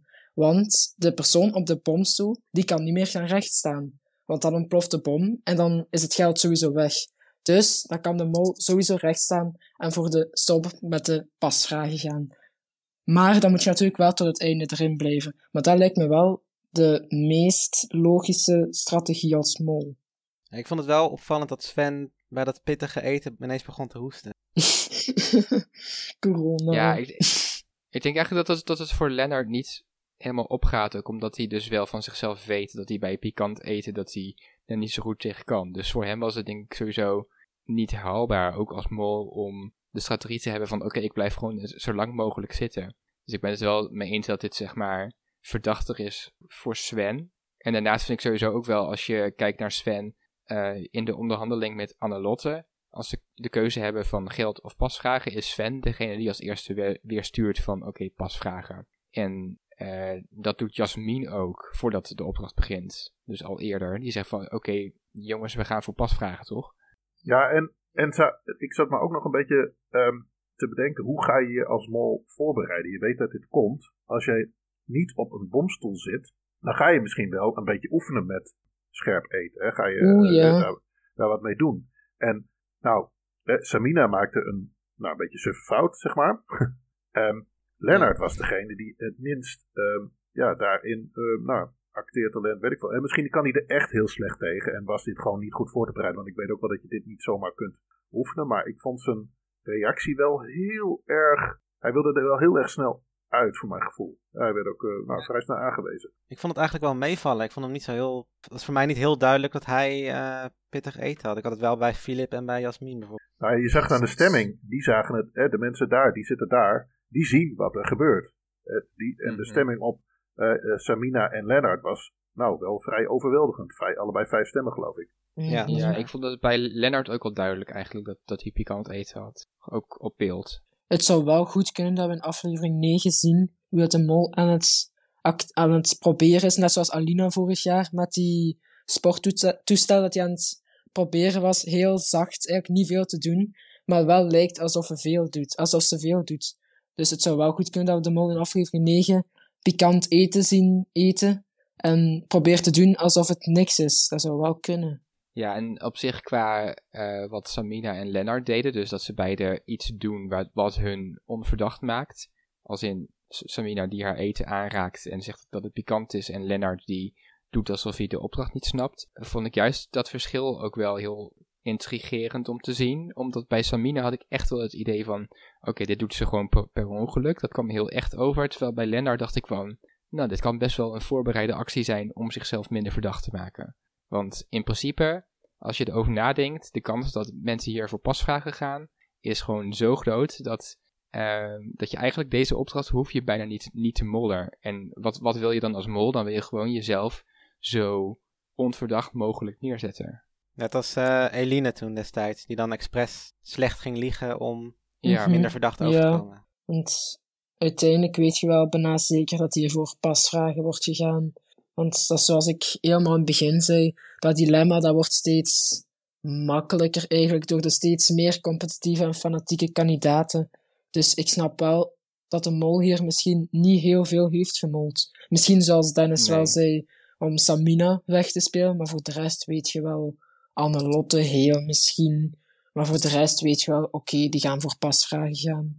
Ja, en, en, Ja. Als, en als, als Lennart de mol is, hij zat de focus op Jasmin te leggen. En dat vond ik ook apart, want Jasmin, dat is degene waarvan je zeker weet dat hij voor pasvragen gaat. Hè, dus Ja, ja, ook daarin, ehm, ja, ik snap ook wel dat je dan de, het is een beetje zoals, nou, het leek bijna op een potje weerwolven. En je probeert eh, eh, Mhm, nou, de aandacht ja. eh, van jezelf weg te krijgen naar, eh, naar iemand anders. Maar ik vond dat de andere drie, hè, die, die wel pittig eten en, en de snaps en, eh, en, en nou, Jasmin ook zelfs nog die, die wormen, dat wormentoetje. Nou, dat vond ik wel knap hoe die dat deden. Ja, ik was wel weer verbaasd over Katrien.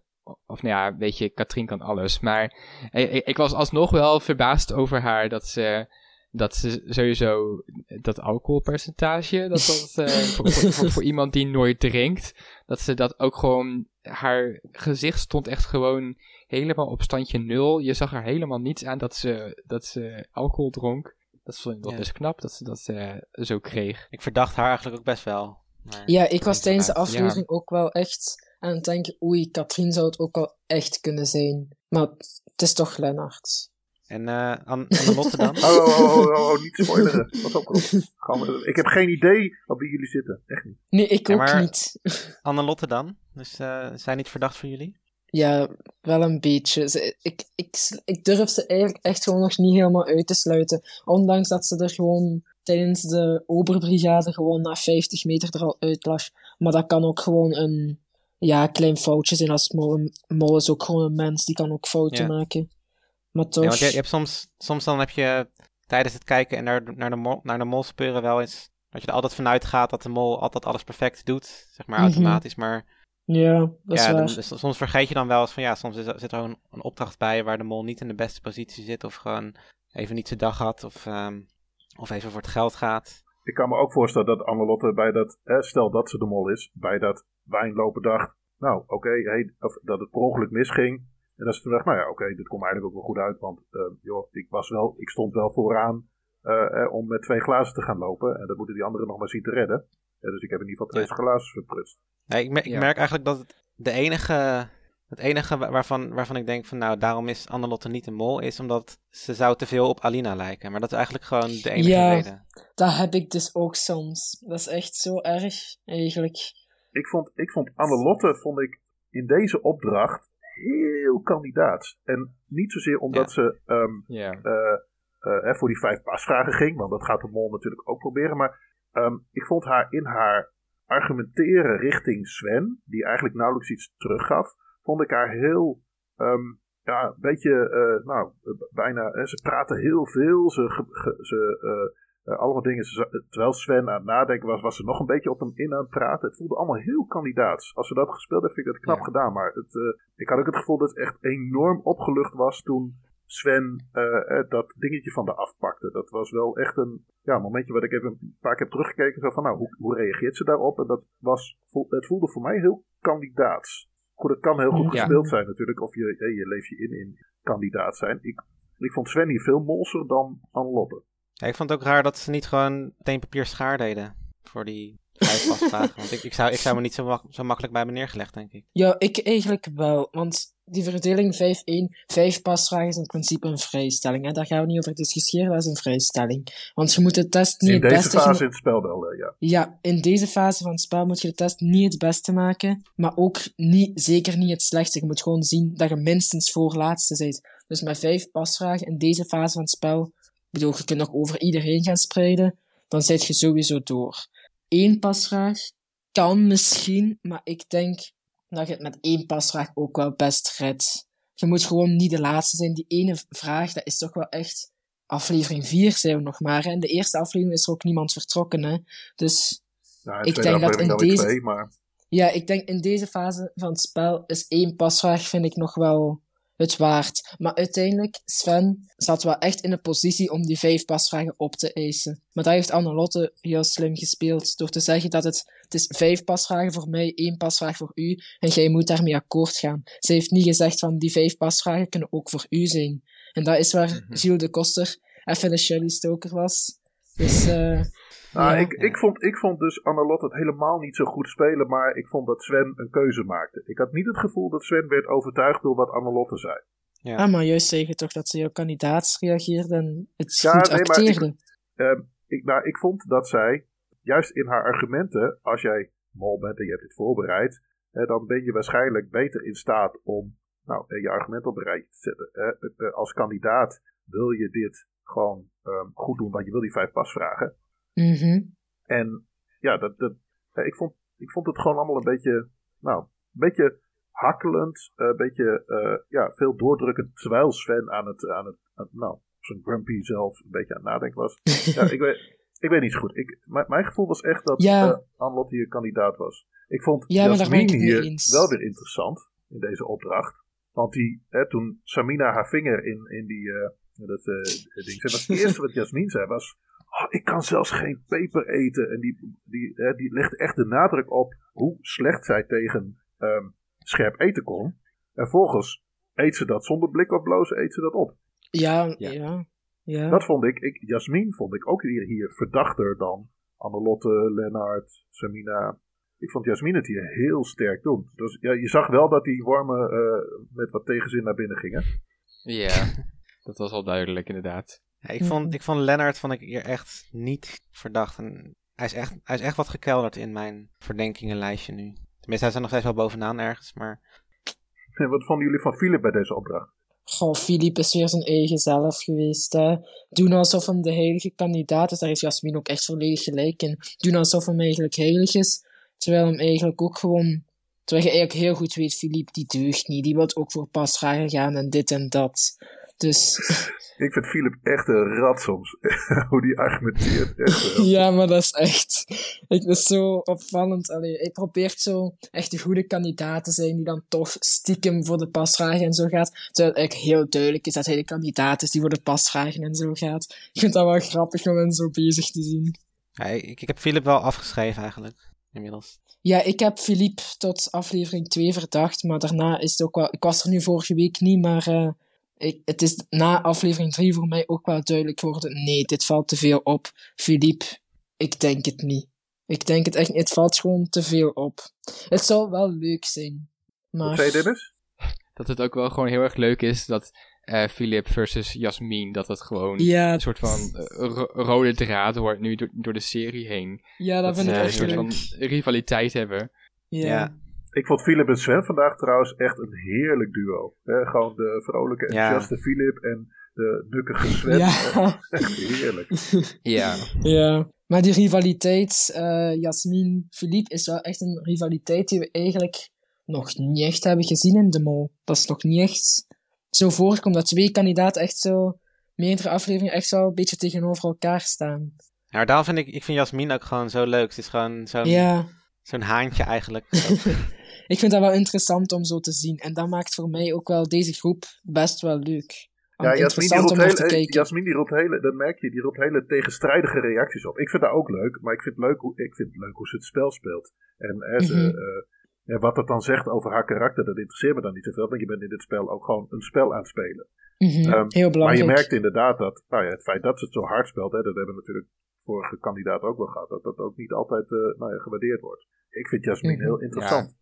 Ik, ik denk ook, ook echt dat, het, eh, dat een spelkarakter ook wel echt anders kan zijn dan je normale karakter. Want ik heb juist ook zoiets van, ik speel denk ik spelletjes ook een beetje zoals Jasmin. maar Ik heb, daar wil ik het verder niet meer met je over hebben, Dennis. maar ik denk dat ik buiten die sp- de spellen wel een ander karakter heb, zeg maar. Maar ja, Ja. Dan dat. Bij. Jasmin had vorige week ook wel echt gelijk toen Philippe begon over ehm, wij, onze stoelen waren vorige week niet opgeplaatst. Ja, terwijl ze eigenlijk gewoon exact hetzelfde deed als Jasmin. Daar had ze toen wel een punt. Dus ik vind het echt wel leuk dat dat zo'n, zoals hier nu gezegd wordt, dat dat echt zo'n rode draad is. Er zitten gewoon een paar Ja. kandidaten in die echt gewoon hard spelen. En die ook gewoon best Ja. wel glashard kunnen liegen. Dat zei Annelotte ook nog echt richting Jasmin van. Weet je, wat kun jij liegen met een vloek erbij. Dat is echt, eh vond ik mooi. Ja. Dat, dat soort dingen, daar hou ik wel van. Ik had trouwens wel deze opdracht ook willen zien, zeg maar, de beelden, maar dan zonder de stem van Shiel. Dat je gewoon Oh. alleen de kandidaten ziet, die dan Ja, de opdrachten uitvoeren, zeg maar. oh, dat zou een leuke montage zijn inderdaad. Gewoon, Ja. Ja. dat, dat ze gewoon zomaar spontaan in één keer eh, nou, eh, gewoon gaan zitten. eh. Ja, Nee, ik vond dat wel echt leuk. Vond ik echt iets heel leuk toevoegen. Echt zo'n heel spannende opdracht. Met toch een beetje die humor erin. Ik vond het echt Ja, geweldig. ja. Er is wel één dingetje wat me ook nog opviel. Dat was hoe verongelijkt Sven deed toen hij er nog met Annelotte en Jasmin zat. Dat, dat hij zei, ja, jullie stemmen mij er vast uit. En, hè, dat- hij deed echt een beetje... Ja, Ja. Ik had ook wel verwacht eigenlijk dat Sven er toen uitging. Ik Maar ook Annelotte die ging toen ineens eh Jasmin... eh, Ja, ik niet, omdat Jasmin eigenlijk al een paar keer werd genoemd. Dat daar al wel wat focus op gelegd was van, oké, Jasmin is, is mogelijk ook eh, aan het liegen. Dus ik had wel de, de verwachting dat Jasmin eruit ging eigenlijk. Ja, ik, ben- dat ben ik met je eens. Alleen inderdaad, Sven deed echt zo van, ja, jullie gaan vast met z'n tweeën tegen mij samenspannen. Ja. Maar ja, ze hebben, het, ze hebben het goed gespeeld. Laten we eerst naar de eliminatie gaan. Oké. Eh, en en ik, ik, ik heb dus helaas weer niet gelet op die, eh, op die Op- overgangen. Of wat is het waar jij over maar had? ik snap dat niet. hoe- Dat, dat valt toch gewoon op? Allee, dat is iets wat nooit is geweest. En nu opeens zo de overgang van beelden naar de eliminatie. Is dat zo met mollogo en strepen en zo. Weet je wat? Ik ga er gewoon een gifje van maken en ik ga het Ja. doorsturen. Want Doe maar. anders dan zit je in aflevering 8 nog niet. Robbe, Robbe, ik heb het gezien en ik vind het er best mooi uitzien. Oh, nou, het ging deze keer over naar dat Sven zijn naam intikte, volgens mij. Dat was nu de eerste, het eerste beeld eh, wat er was. Ja, ik vind dat dus... Allee, ik, ik, ik zit nu echt te doen alsof dat beeld heilig is of zo, hè, maar... Het ik ben dat echt super dat- hyped van. Ja. Het is niet dat ik dat beeld super cool vind of zo, maar ik vond het gewoon een leuk extra detail dat ze eraan toevo- aan hebben toegevoegd. Dus ja, dat is echt zo. Ik vind dat echt mooi, zo met die strepen en zo. Oké, nou ja, maak maar een gifje inderdaad. En dan, eh, dan zal Ja, op mijn stoel geblazen worden. ja. Ja, ik, ik, ik, ik zat nu letterlijk de tweede keer dat ik keek, zat ik op de bank en zei van... Oh, dat, dat is dat beeld waar, waar, waar hij het al de hele tijd over heeft. dat was echt de eerste keer dat ik het echt opmerkte. En was je hyped? Ehm, ja, ik was, gewoon, ik was gewoon heel, heel erg blij dat ik het zag. ik dacht van, oh, dat, dat is dat ene ding waar Robert het de hele tijd over heeft. Maar ja, verder was, was het gewoon wel leuk. Maar Ja, Dus misschien dat het mij onbewust wel is opgevallen, maar dat ik het dan niet had geregistreerd Ja, van, het, oh, het is alleszins iets dat nog nooit eerder is voorgekomen en sinds dit seizoen er wel is aan toegevoegd. En ik vind dat gewoon een, een leuk detail. Dus Ja. Ze hebben ook nog niet eerder een hond toegevoegd aan de leader. ja. dat is Ja. waar. Maar dat viel gelijk op. ja. Maar zoiets is ook gewoon echt veel ironischer en ook veel grappiger dan gewoon een extra montage ding bij de eliminatie. Maar Zijn er bij de verdenkingen nog eh, verdachte verdenkingen? Ja, Filip weer met zijn extreme stem. Ja. En Annelotte die Isidor als excuus gebruikt. Ja. Vond ik ook wel opvallend. ik moet wel zeggen dat ik Katrien eigenlijk altijd zo heel leuk vind als hij aan het biecht is. Die kijkt altijd zo naar beneden en echt zo heel lief, vind ik. Ja, ik, ik ga de blikken van Katrien absoluut missen. Eh, dat, eh, ja, die, die, die zei dan nooit zoveel, maar die Oh, keek echt zo zo. erg. ja, zo, ja. Ja. Goede imitatie. Ja, Dennis doet het nu ook even eh, live. Dat eh, gaan jullie bij de podcast helaas niet zien. Maar misschien wil Robert er een gifje van maken. Ja. ik heb mijn scherm niet opgenomen, hè, dus eh, en moet je, dan moeten jullie het nog eens doen. Ja, voor de Jasmin, patrons. Jasmin die sloot in ieder geval Annelotte heel hard uit. Ja. Dat, eh, die, die, zei, Ja. die zei echt, eh, nou, Annelotte die is het niet. Anders eh, eh, vergis ik me er enorm in. En Jasmin is door. Ja. Nou ja, eigenlijk in, in, in sommige van de voorgaande seizoenen, toen let ik daar juist heel erg op. Toen hield ik het allemaal bij. Wie verdenkt wie en zo. En dan kon ik er toch altijd wel extra info uithalen. Maar ja, daar ben ik eigenlijk mee gestopt. In seizoen 1, in 1998, is dat wel een hint geweest. Dat was de Ja. enige verborgen hint die er was. Want dat dat was toen de allereerste keer. Daar kon je aan de hand van de verdenkingen kon je uitsluiten wie de mol was. En uiteindelijk bleef, spoiler, 3, 2, 1, Magda dus over als eh, degene die de mol kon zijn. Dus, eh Was in, in seizoen 1 van Wie is de Mol in Nederland was het volgens mij ook een hint. Ah, echt? Ja? In België was dat ook. klopt. Klopt. Ja, seizoen 1. Ja, ik, ja, de mol volg ik veel meer dan Wie is de Mol. Daar weet ik ook nog veel meer over dan Wie is de Mol. Daarom zit je ook in deze podcast nu. Helemaal waar. Maar eh, verder nog iets over de verdenkingen? Of de... Nou ja, Katrien die zei dan dat ze één mol op het spoor was en nu op twee personen zat. Nou ja, dat, ik weet niet of dat dan twee verkeerde personen Ja, dat vind ik ook heel bizar. Want ik had nu iets gelezen van Katrien die zei: Ik was helemaal niet zeker van mijn mol. Dat is een letterlijke quote uit een interview. Dus ja, Ja, nou, maar zo kwam ze ook wel over, toch? Ja, het is juist zo dat ze nu zegt van ja, ik, ik zat in een tunnel, maar daar ben ik uitgekropen. Nou, ah ja, niet ah, naar het ja. licht, blijkbaar. Ah, ja, ik het verkeerd onthouden. Ah ja, dat was misschien de vorige aflevering inderdaad. Ja, sorry. De verkeerde, verkeerde exit. Ja. En ik vond het wel mooi om, ik kom vaak op hem terug, maar Sven zo emotioneel te zien. Die was, eh, eh, die zei, Ja. nou, ik heb wat bijzonders meegemaakt en dat wilde ik dan met zijn Charlotte delen. Ik denk, nou, komt Charlotte Nijs in één keer eh, hier. Oh jee. Charlottisme komt weer terug. Nee, maar dat hij zei van, nou, je maakt zulke bijzondere dingen mee, die wil je dan graag delen met mensen die je genegen zijn. Nou, dat vond ik wel, ik, moet zeggen, gewoon na aflevering 1 dacht ik echt, oh Sven, wat ben je een ontzettende hork. Maar ik, Ja. gewoon, eh, ja, hij, hij groeit echt in mijn eh, achting, ook al is hij nog Ja. steeds natuurlijk een ontzettende hork. Ja, nee, bij mij. Maar hij is, hij is gewoon echt de Bart van dit seizoen. Ja, Ja. dat vind ik ook wel... Ja, niet helemaal. Hè. Je kunt niet iemand 100% vergelijken, buiten Annelotte met Minke. Maar het is zo, Bart heeft, als je kijkt naar de kandidaatgroep, ongeveer hetzelfde figuur als Sven. Maar toch vind ik dat heel de persoonlijkheid, buiten de opdrachten om, echt verschilt. Ja, absoluut. Maar Want- ook, ook, ook wel een beetje hoe ze in het spel zit hoor. Want ik denk niet dat Bart die ene pasvraag had gepakt. Uh, ja, dat is waar. Daar zou Bart echt onderhandeld Hmm. hebben, zoals bij Skydivers voor exact tien jaar Ja. geleden. Dus Nou, ja. ik, ik ben eigenlijk wel heel benieuwd wat Manuela daarvan vindt. ja, daar gaan we eens naar Mhm. luisteren. Hallo jongens, hier ben ik weer. Een eh, samenvatting van aflevering 3. Ehm, de, de quote: Voetbal is een simpel spel en op het einde winnen de Duitsers. Gary Lineker. Ja, jullie doen maar met die spreuken, maar eh, ik zie er dus. eh, ik weet niet wat ik. Ik zie er niks in.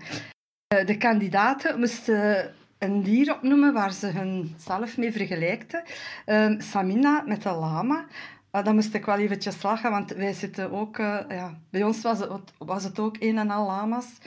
Ehm, de Sven met een leeuw, een leeuw die, die leiding geeft. de, de leeuw kan leiding geven. Katrien, een chameleon, een chameleon die ze ook, ook wel, een wolf kwam er ook wel in. Lennart, een vogel. Jasmin, een hond, een hondstrouw. Filip, een gorilla. Maar die gorilla, hij vond die lief. Maar ehm, ik denk wel dat hij wel eens boos uit de hoek kan komen ook. Misschien moeten we dat nog zien, ik weet het niet. Ehm, Een, een kat. Dus een kat heeft negen levens. Dat wil dus zeggen dat een kat altijd heel veel geluk heeft. Heeft Annelot geluk dat ze, de, dat ze de mol is of dat ze bij de drie laatsten is? Ik was nog eens aan het denken, een, een kat heeft negen levens. Dus de tiende aflevering komt het uit. Het is maar een, het is maar een gedachte, ik weet het niet. Eh, De voetbalploeg, eh, de voetbalproef, proef, sorry. Ehm, daar heb ik eigenlijk eh, ja, niet veel op te zeggen, want alles is er verkeerd gegaan. Zowel door eh Lennart, door Sven, door eh, Samina, door Filip. Ja, er is eigenlijk niks verdiend, hè, dus ze hebben niks geld verdiend. Ehm, Samina die zei altijd, die beantwoordde altijd die vragen verkeerd. Ehm Lennart die viel expres volgens mij, zo is zijn beentjes omhoog en die bal. Dat vond ik eigenlijk wel grappig, maar hij deed het zo precies, expres een beetje, vond ik. Dan de, de proef van de hikers en de bikers. De bikers, dat was eh, Sven en Filip. Eh, die hebben dat gewoon goed gedaan. Hè. Eh, ja, Sven heeft dat goed gedaan, Filip heeft dat goed gedaan, aan dat touw hangen met die tekst op zijn buik. Ja, ik, ik, ik heb er eigenlijk niets verkeerd gezien. Hè. Aan, die, aan die rots hangen. Ja, dat was kei, dat, ik denk dat dat heel kei tof voor te doen was. Ik had dat ook sowieso gedaan. En ik had zeker geen schrik gehad. Ehm, maar eh, door de storm hé, moesten ze dan stoppen. Maar ze hebben wel eh, de 1000 euro kunnen verdubbelen. En dat is toch heel mooi meegenomen. Hè. Ze hebben echt wel goed hun best gedaan, alle twee. De hikers, ja, daar heb ik zo'n beetje mee gedacht van. Ik, ik vond dat de Lennart met die plankjes omhoog steken, ik vond dat toch zo... Het was zo net of dat hij wist dat hij op die plaats stond, dat, dat er niet veel gezien kon worden. Misschien dat hij dat op voorhand wist dat hij daar stond, dat ze dan niet veel konden zien op die camera. Ik weet het niet, maar uh, Lennart die, die zit bij mij toch nog altijd in mijn top 3 van de molletjes. Hè. En dan de proef met, de, met die katrollen voor naar beneden te komen met, uh, met die vlag aan uh, dat erachter kwam.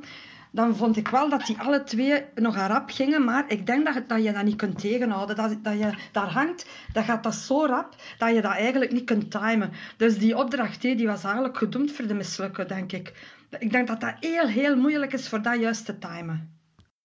Uh, je kon zo wel precies uh, zien aan Sven dat hij niet zo blij was met die overnachting, maar hij heeft het dan toch maar gedaan. Dat vind ik wel tof. De nacht voor de proef met de bom begon, dan zei Lennart toch tegen de drie vrouwen van uh, ga maar rap slapen, want het wordt morgen een zware dag. Dus dan denk ik in mijn eigen, goh, zou dat maar gewoon zoiets zijn dat hij gezegd heeft, of zou hij dat geweten hebben, dat eigenlijk wel een zware, een, een zware dag ging worden. Met de bomproef, ja, jullie weten dat niet, maar die zitten er niet zomaar tien minuten rond die tafel. Die zitten er wel, wel wat langer voor te discussiëren wat ze gaan doen en, en hoe dat ze het gaan doen. Maar uh, zo, zo rap uh, gaat dat niet, zo voor te beslissen. Maar uh, het lijkt op tv misschien allemaal simpeler dan, dan het in, in het echt is. Maar Philip, die, ik, die heeft dat keigoed gedaan. Die heeft eigenlijk zo hard gelogen en eigenlijk zijn eigen heel serieus gehouden dat hij eigenlijk een medaille verdient. Moest ik er nu gezeten hebben, dan zou ik Annelot ook vertrouwd hebben. Dat is heel raar, maar voor mij straalt die Annelot wel wat vertrouwen uit. Dus eigenlijk, Annelot, die zit ook niet in mijn verdachte lijst. Dat is heel raar, want in mijn verdachte lijst zit de Lennart, de Filip en ja, zo tussen haakjes zo wel wat de Sven, ja. Ik vind, eh, vond ook dat Gilles dat verhaal heel goed heeft ingesproken. Maar zo de allereerste keer, dan zei hij... eh Lennart, eh, ga op de stoel zitten. Maar Lennart, die, ja, die, die hoorde dat niet of die snapte dat niet. En dat vind ik zo ook een beetje iets zwaar, want nadien sprak hij Samina aan. Dus eh, dat, dat vind ik nu ook nog zo'n beetje... Daar ben ik eigenlijk ook zo nog niet aan uit, wat dat ermee te maken heeft. Maar eh Katrien, die heb ik dus ook nooit verdacht. Maar zo een leuke madame om naar te kijken. En een van de meest expres- expressieve kandidaten die ik ooit, ooit al gezien heb in de mol. Een hele opmerkelijke mevrouw. Eh, dag jongens, ik hoop dat jullie hier wat aan gehad hebben. Dag! Dankjewel, Manuela. Ja, Zijn weer eh, interessante opvattingen. Nou, eigenlijk zijn, zijn we weer met zo'n beetje alles eens, volgens mij. inderdaad, Ehm, ja. Ja, die lama's, eh, inderdaad. Ja. Dat, eh, ja, misschien toch een, een hint naar uh, Annelot. Of die kat. Nou, dat punt wat ze maken Lege over dat, dat ja, mensen wel al wat langer aan tafel zitten, waarschijnlijk dan die, die minuutjes die we gezien hebben. Dat dat ook wel, eh, nou ja, eh, je zit daar natuurlijk aan die bomtafel zit je nog langer, dus de spanning kan dan nog wat meer oplopen. Ja, ze moeten Ja. al het eten nog opeten en zo. Ja, je hebt alle tijd om eh, nog een hapje te nemen. Ja, ik vind het wel heel interessant om te horen, want zij heeft eigenlijk ook wel iets gelijkaardigs meegemaakt met de vrijstelling eh, in dat verlaten gebouw, waar eh, iedereen vastgeketend zat en iedereen één voor één weg mocht. Oh, toen werd ze en heel waar boos. zij, ja, en daar bleef zij als laatste over dat ze die niet genomen. Ze heeft eerder uitgelegd waarom ze dat niet had gedaan. En dit leek er eigenlijk ook wel een beetje op. Dus ja, ik vind het ook wel interessant om te horen wat ze over die proef zegt. Van ja, iedereen staat daar langer dan dat eigenlijk getoond wordt. Zij zullen daar ook veel langer hebben gediscussieerd dan dat we nu hebben gezien. Ja. Ja, maar nog even over die, eh, wat Manuela zei over die, de kat met negen levens. Ja, dat vond ik interessant wel. Dat vond ik wel een heel interessante theorie. Ja. Het, het is iets wat wij... Ik heb het nog niet gelezen in ieder geval, en ik had er zelf ook niet bij stilgestaan. Ik, ik, ik denk nu niet dat ze de mol is, maar het zou wel een leuke hint zijn eigenlijk. Ja, maar ze, eigenlijk, eigenlijk zegt Manuela hiermee dat ze verwacht dat Annelotte in de laatste aflevering komt als finalist. En eh, dat weet je Ja. natuurlijk van tevoren nog niet, omdat deze, eh, Nee. dit stukje is duidelijk opgenomen toen er nog zeven kandidaten waren. Mhm. Ja. Ja, dat is ja, waar. Op, op, op dierendag. Op Dierendag inderdaad, ja. En daarnaast ziet ze inderdaad ook niets in de spreuker. Want ik, ik kan er ook nog niks van maken eigenlijk. Qua hints of qua Mhm. aanwijzingen. Het, het, zijn, het, ja, het klinken nog gewoon leuke, leuke spreuken, leuke aankleding. Maar voor de rest kan er, kan er niks mee. Kan van toepassing op Duitsland. Op, op, het zijn allemaal spreuken die of door een Duitser gedaan zijn, of met Duitsers te maken hebben. Het is gewoon inderdaad, ja, hierin, die quote van Gary Lineker, die is best, best beroemd. Maar ook, ja, die zoeken niet een laag achter of zo. Nog. Uh, het is gewoon Nee. iets dat eh, voor de extra is toegevoegd. Gewoon voor de extra thematiek, zeg maar. Net zoals de eh, vooruitblik naar de volgende week. Iedere keer die Duitse muziek eronder. Ik vind het ook wel leuk dat ze daar variatie in brengen in die muziek. En niet altijd zo... Ook al is dat muziekje wel leuk, zo die... tun, tun, tun. Ja, oké, ik ga het niet nadoen, maar... Oké, heb ik toch gedaan. Maar zo dat muziekje is wel leuk, maar ik vind het wel leuk dat ze daar toch wel variatie in brengen. Iedere keer er iets, on- iets anders onder zetten. Ja, en dan vervolgens een hele mooie overgang naar, eh, naar de testen. Ja. Oh, ja. Dat zijn zo Ja, allemaal die details die eigenlijk zo heel leuk zijn. Die het echt nog zo net het extra leuk maken. Ja, Die details, daar ben ik voor. Ja nou, dat kun je in de mol inderdaad genoeg vinden. En nou ja, tenslotte nog eh, ben ik het helemaal met Manuela eens dat het een beetje raar was dat Lennart niet reageerde op Shield. Dat is dus eigenlijk dat vooral Mhm. waardoor ik toch ben gaan twijfelen over Lennart. Dus ehm, Maar, ja, dat, laten we dan maar naar de competitie gaan. maar dat kan ook gewoon als, kan, als mol wel te verklaren zijn van ik ga het doen alsof ik het hier allemaal niet snap. Zodat ze aan mij gaan twijfelen als mol. Terwijl je eigenlijk heel goed weet van eigenlijk moet ik hierop reageren en moet ik dat doen. Ik denk dat dat nog wel een slimme zet is als mol. Ik denk dat echt nog wel. ik zou het best, een, als, hij, als dit een bewuste molactie is geweest, dan vind ik het echt een hele goede molactie. Ik weet niet alleen niet of ik hem bij, het, bij Lennart vind passen. Maar eh, ik vind nee, het wel. ik ook inderdaad. Ik vind hem, ik vind, als, hij, als hij de mol is, dan vind ik dit echt een hele coole molactie. Gewoon even je domme voordoen, net zoals Jan Versteeg die de tv uitzet eh, op de hotelkamer. Is dit een beetje zo'n. Ja, ja, ehm, ja. Dat is oh, ik snap de opdracht niet. Ja. Mhm. Ja, dat is echt zo. Het, het, is, het is, ja, je kunt het een molactie noemen. Het is eigenlijk gewoon het doen alsof je een kandidaat zit die een beetje dom voordoen. Terwijl je, ja, om, anderen doen, te doen twijfelen, zoals Jan dan eigenlijk ding is, eh, hoe noemt hem weer? Jean- Jean-Marc van Tol. Eigenlijk heeft doen twijfelen, want ja, de mol die doet dat niet, hè. Ja, maar pas op wat je zegt, dan, want als hij nu niet de mol is, dan noem je hem eigenlijk dom. Ja, dan, ja, dan is ze maar dom, hè. Ja, maar was het dan ook, een, was het dan ook niet een, een beetje, nou ja, ja hij, was op dat moment niet de scherpste mes in het blok, zeg maar. Nee, maar ik, ik kan me ook wel Nee. voorstellen dat je op dat moment eventjes startled bent van, huh, wat gebeurt er, Gilles? Ja, dat is waar. Eh, Ja. dus, eh, Maar maar, toch- ja. niet hoor. Het zou leuk zijn als mol. maar goed, laten we gaan naar de competitie gaan en eh, punten Ja. scoren. De competitie. We gaan... Ja, Katrien is eindelijk afgevallen. Ben ik wel blij mee. Even extra puntje verdiend, maar oké.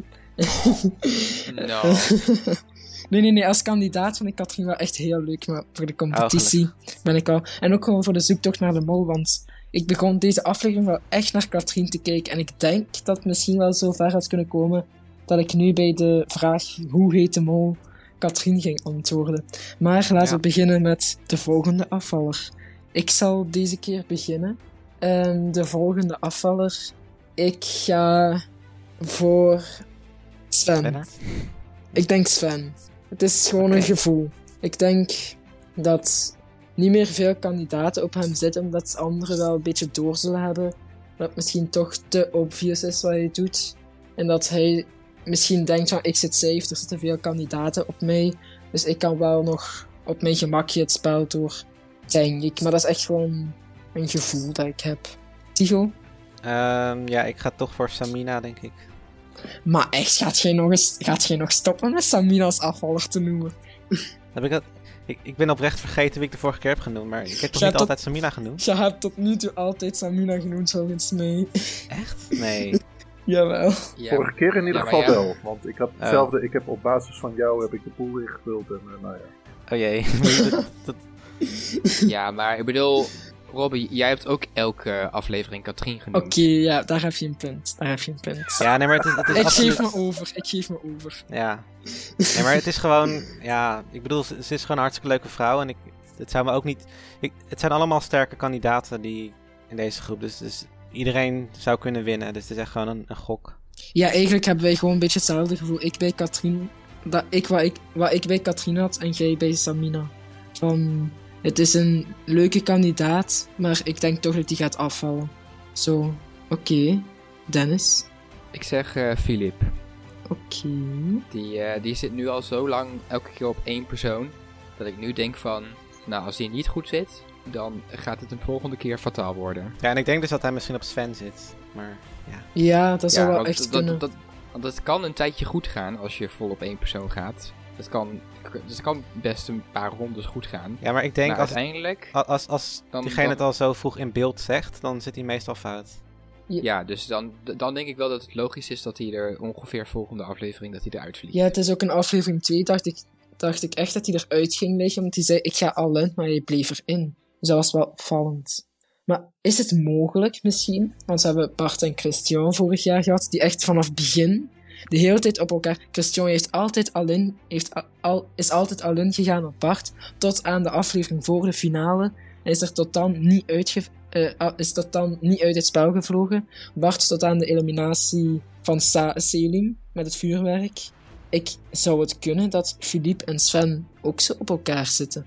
Ja, als er heel veel andere mensen ook op één persoon zitten, dan kan dat natuurlijk best wel. Je, dacht, je hoorde dus inderdaad dat Katrien blijkbaar de vorige afleveringen ook al redelijk op één persoon zat. En nu ook maar op twee personen. Maar sowieso vind Ja. ik dat niet echt slim om nu al op één persoon te gaan. Maar ja, dat is iets anders. Dit, dit is heel anders hoe. eh, ik bedoel, wij spelen natuurlijk wel eens online Wie is de Mol met. En dan zie je echt dat iedereen eh, keihard aan het spreiden is. En eh, Mhm. vier, vijf mensen meeneemt en zo. En alles heel goed aanpakt. Ja, dat ja, is maar waar. Dit- dat is inderdaad is online is, een anders. test ook makkelijker om dat te doen, denk ik. Dat is waar. Dat is Ja. helemaal waar. Want dan heb je wel zicht van welke vragen er allemaal zijn. Terwijl je bij het spel zelf klikt je door naar de volgende vraag. Je kunt niet meer terug. Dus Ja. ja, je moet wel onthouden wat heb ik al ingevuld. Op hoeveel kandidaten heb ik al antwoorden overeen. Dus daar komt wel meer denkwerk aan te pas. En dan kun je... Aan de andere kant zit je er hier nu echt 24 uur per dag in. Op bij een online spel, eh, dan check je uit, check je in, check je uit, check je in. En nu zit je er voortdurend mee bezig. Dus ik kan me ook voorstellen dat eh, je nou, daarin misschien ook wel nou ja, op een bepaalde manier het beter kunt spelen. Ook omdat je de persoon telkens ziet. Ja, dat is, ik, ik, ik vind Ja. het lastig te vergelijken hoor. Eh, Dat, eh, ik snap Ja. dat je het, het statistisch beter kunt doen. En dat er eh sneller kandidaten uit zullen vliegen. Maar ik denk dat op het eind. nou, dan moet Ja, je- ik denk dat je sneller ook in een, in een tunnel raakt als je de hele tijd ja, meer tijd doorbrengt met die mensen. Dan gaat het automatisch ook sneller, denk ik. Ja, ik, ik, ik heb het ook wel een paar keer live gedaan hoor. Dus dat, en dat is dan natuurlijk wel een kortere tijdsbestek. Dus dan heb je sowieso ook wel minder executies en dat je sneller voor een bepaalde persoon moet kiezen. Anders dan vlieg je er sowieso uit. Maar ja, dat is ook wel ja, anders. Ja, het, is, het lijkt me sowieso ontzettend intens om drie weken in zo'n programma eh, te Mhm, ja. Dat is niet gaaf. De winnaars. Ja, de winnaars. Ehm, ja, ik zal weer beginnen. Samina. Tigo. Ja, ik merk dat ik dit, dit, dit seizoen een beetje aan het switchen ben de hele tijd. Maar ja, een beetje mijn kansen spreiden. Ik ga dit keer Sven zeggen. Oké. Oh. Dennis. Maar dat is mijn winnaar. Ja, sorry. Want, want ik, ik heb dus het, dus het idee dat, dat Sven al best wel een tijdje op de juiste mol zit. Ja, bij mij, ik, bij mij, ik heb geen idee of dat zo is. Maar het is meer dat... Ja, hij lijkt mij gewoon een hele slimme, sterke speler. Oké, dan gaan we door naar de ene vraag waar het hele spel om draait. Hoe heet de mol? Ik, ik denk dat Lennart de mol is. En ik hou Ja? een heel kleine deuropening ehm, naar Annelotte en eh, Sven open. Maar de rest, Jasmin, Philippe, Samina, dat kan volgens mij echt niet meer dat die de mol zijn. Allee, het zou misschien wel kunnen, maar ik zie het als vrij onmogelijk. Dus ik ga voor Lennart. Tigo? Ja, maar je zegt weer precies wat ik denk. ja, weet je, Samina is het niet, want haalt te veel geld op spicy food. Philip is het niet, want dat is te overduidelijk. En nee. Annelotte is het niet, want Alina. Nee, maar dat, dat, dat, dat is niet een heel sterk argument, dus zij zou het nog kunnen zijn. Eh, Sven zou het nog kunnen zijn. Jasmin is het niet, want hij haalt te veel geld op. Ja, ik, ja, ik ga toch Lennart zeggen, maar ik zeg er nog eventjes heel duidelijk bij dat ik absoluut niet in een tunnel op hem zit. Zodat mensen dat weer gaan denken. Net, net zoals Ik ik, merk- niet echt in een tunnel zat op Splinter. Maar ik merk wel dat als ik kijk naar het spel, dat ik dan eigenlijk sneller in een tunnel zit dan dat ik eigenlijk effectief meedoe. Ook in eh Mol Online op eh wieisdemol.com vorig jaar, toen zat ik ook iedere keer echt te twijfelen. En als ik dan iemand was afgevallen, die een van mijn verdachten was, was er iedere keer wel weer iemand anders die erbij kwam van, hm, die kan het ook. Ik was echt zo aan het twijfelen de hele tijd. Dus ja, maar eh, Dennis? Eh, ja, mijn tunnelvisie begint wel in te kicken eigenlijk. oh jee. Ik dacht, ik dacht nu van, oké, Katrien is weg. Het is gewoon Lennart, jongens. Het kan niet anders meer. Het, het, moet, het moet wel zo, zo zijn. Ja? En dan hou ik nog wel een kleine kans open voor Sven ook. Die nu deze aflevering toch wel weer iets omhoog kwam eh, in mijn verdenkingen. Maar nee, ik, ik ga nu gewoon vol voor Lennart eigenlijk. Oeh, nu wordt het gevaarlijk. Ja. Nee, maar En, ik eh, vind... Jan Willem, wat... eh, Ah ja. Nou ja, eh, wat dat betreft heb ik deze podcast mijn uiterste best gedaan om jullie weg te krijgen bij Lennart. Want ik denk, Dat hebben dat, we wel gemerkt. ik denk niet dat Lennart het is. Ik denk, nee, ik denk, eh, en, en als ik heel eerlijk ben, ik hoop voorlopig ook niet dat Lennart het is. Want ik vind hem te veel op de achtergrond. En Ja. dat is natuurlijk een, een mooie positie voor een mol, maar hij pakt ook weinig initiatief. En Ja. ik heb na aflevering 2 eigenlijk Sven afgeschreven. Jullie noemen hem de hele tijd. Eh, Sven is eh, nu even mijn mol. En ik denk juist dat hij die opdracht met die, nou, die twee glazen, het was, nou, wat voor geld was dat nou helemaal? Dat hij dat eh, nou, zo goed heeft gedaan, ook om even te laten, hé kijk, eh, ik kan wel iets. Maar in aflevering 1 heeft hij niks binnengehaald. In aflevering 3 heeft hij niks binnengehaald. Nou, nu heeft hij een paar dingen goed gedaan, maar dat is ook ja, met Philip erbij. Ja, en bij die glazen toen eh, liep hij heel snel, waardoor Uh-huh. eh, die anderen met, met, eh, met dienbladen Ja, sneller fouten konden maken en de deelopdrachten minder tijd hadden. ja. Nee, dus om, om, om jullie gewoon eh, in ieder geval te zorgen dat niet iedereen hier in de eh, podcast roept, eh Lennart, ga ik Sven zeggen. Ja, maar ik, ik sluit mij er ook wel... Allee, ik, ik denk nog wel dat het Lennart is, maar mijn tweede verdachte is wel Sven en dan op nummer 3 Annelotte. Gewoon omdat Sven heb ik na aflevering 1 gewoon zo goed als voor 99% uitgesloten, omdat hij veel te verdacht in beeld werd gebracht. Ik heb daar aflevering 2 en 3 totaal niet meer aan gedacht. En het is nu echt voor de voorbereiding van de podcast dat ik dacht, hmm, Sven, eigenlijk zou het nog wel kunnen. En nu ook door wat er in deze aflevering allemaal is gezegd, ik vind Sven toch wel terug een reële optie.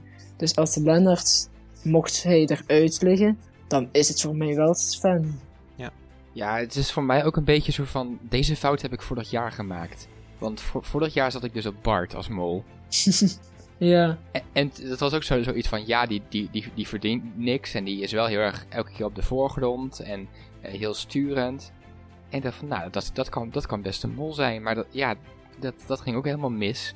Dus het is nu voor mij een beetje zo van, oké, ik ga niet dezelfde fout maken met Sven. Ik vind dus Sven ook, eh, je, je zegt sturend. Ik vind Sven vooral zichzelf ergens neerzetten. Maar ik vind Sven niet heel sturend in opdrachten. Sven die stapt zelf op de stoel. Die zegt zelf, ik ga wandelen. Die, of uh, fietsen Ja. ik. Hè, die eh, ja, is sturend voor zichzelf, maar niet voor anderen. Die bepaalt niet waar anderen gaan staan. ja. Ja, ja. Dus eh Hey, ehm, wat eh, de ode aan de afvaller. Wat eh, hebben de, de paniekzaaiers Oh, ja. eh, gekozen dat we gaan doen? Ja, eh, eh, dat, wordt leuk. Dat wordt een, rap. Oh, Ola. kijk. De, de rap eh, over Katrien. Een rap over Katrien. Oké. Dat is echt Ja. totaal tegenover van wat haar Ja, muziek ja, smaak dat is. een klassieke rap. Dat wordt eigenlijk het begin van, eh, het, be- het begin van, van Lose Yourself, zeg maar, eh, van eh, Eminem. Dus van, eh, Ah, ja. Nou, daar gaan we ons best voor doen. Mhm. Of, of, of, dat, of dat gelukt is, dat horen jullie eh, zo. Maar, ehm, Hopelijk wordt het beter dan de remix, maar hey. ach ja. ja. Ja, en hoe, hoe kunnen mensen paniekzaaier worden? Dennis, jij bent daar de Door. expert in. Nou ja, ze kunnen op onze Patreon kijken en dan kunnen ze ons steunen door middel van een maandelijks bedrag. En dan krijgen ze natuurlijk een aantal leuke dingen voor terug. Onder andere dat ze bijvoorbeeld nu het interview met uh, Yuri uit eh, het seizoen van Vietnam kunnen ze beluisteren, want die staat nu online. Ja. En het was een heel, heel erg leuk Ja. interview, dus eh, ja, Ja. echt superleuk. ja. En ehm, ja, verder een shout-out in de podcast. En, eh, Discord-evenementen. ja, Discord-evenementen. Ik, ja, Nou ik ja, weet het ook allemaal niet meer. Je hebt me helemaal omgepraat. Ik word meteen eh paniekzaaier. Ja, ik ook. Helemaal top. Ja, nice. nou, ehm, Jan-Willem, hartstikke bedankt dat je te gast wilde zijn. Nou, ik vond het superleuk. Ik ja. vond het heel gezellig. En eh, ja, ik ben benieuwd Yes. hoeveel eruit geknipt wordt. Maar eh, dat merken we. dat merken we aan het eind wel. Ik vond dat je het Ja. heel, goed- heel goed deed. Ik ben blij dat je vandaag in ons team zat om af te, af te sluiten met een mooie quote van het eiland. Dus Oh, wat, dat moet ik nu doen. Ah, Oké. ja, ik, was, Oh ik ben blij dat je in ons team zat vandaag. Ja, hij heeft, net een, hij heeft net een verwijzing gemaakt naar dat Ik, programma. dat ik zat een beetje in dus- opdracht 3. Ik dacht dat jij nu Gilles speelde en dat jij tegen mij zei: Ja, Willem doet een quote Ah, nee, uit nee, het nee, eiland. nee, nee. En ik denk: Ah, Oh mijn god. Nee, nee. nee, dat is een quote van Guido Pallemans, die echt zo'n heel slechte baas is geworden. En zegt van, ik ben blij dat je in mijn team zit, Alain. Maar oké, ja. Ja. Dankjewel. Ja. Dus, ja, oké. Je deed het Ehm, goed. nou ja, volgende week dan eh, krijgen de kandidaten de keuze tussen hun familieleden zien of Takeo Ishii. En ze kiezen voor Takeo Ishii. Dus het wordt sowieso de best, beste aflevering ooit. nou, en dan zijn wij er weer om dat te bespreken met weer een nieuwe gast. Dus eh, tot dan. Daar. Ja. Tot volgende week.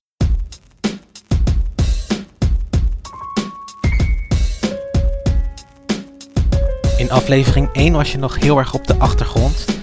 Toen wist ik nog niet zo goed wat ik van je vond. Maar op de vleugel speelde je de pannen van het dak.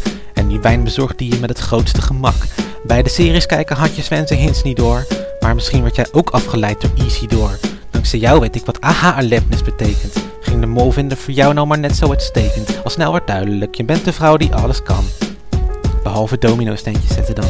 Als vaatchirurg zou jij toch hartaanvallen moeten stoppen. Maar je deed onze harten juist alleen maar sneller kloppen. En na een tijdje werd je bij ons zo verdacht dat ik je eliminatie echt niet verwacht had. We hadden je dolgraag in het spel nog langer gezien. Maar nu moet jij helaas naar huis, Katrien.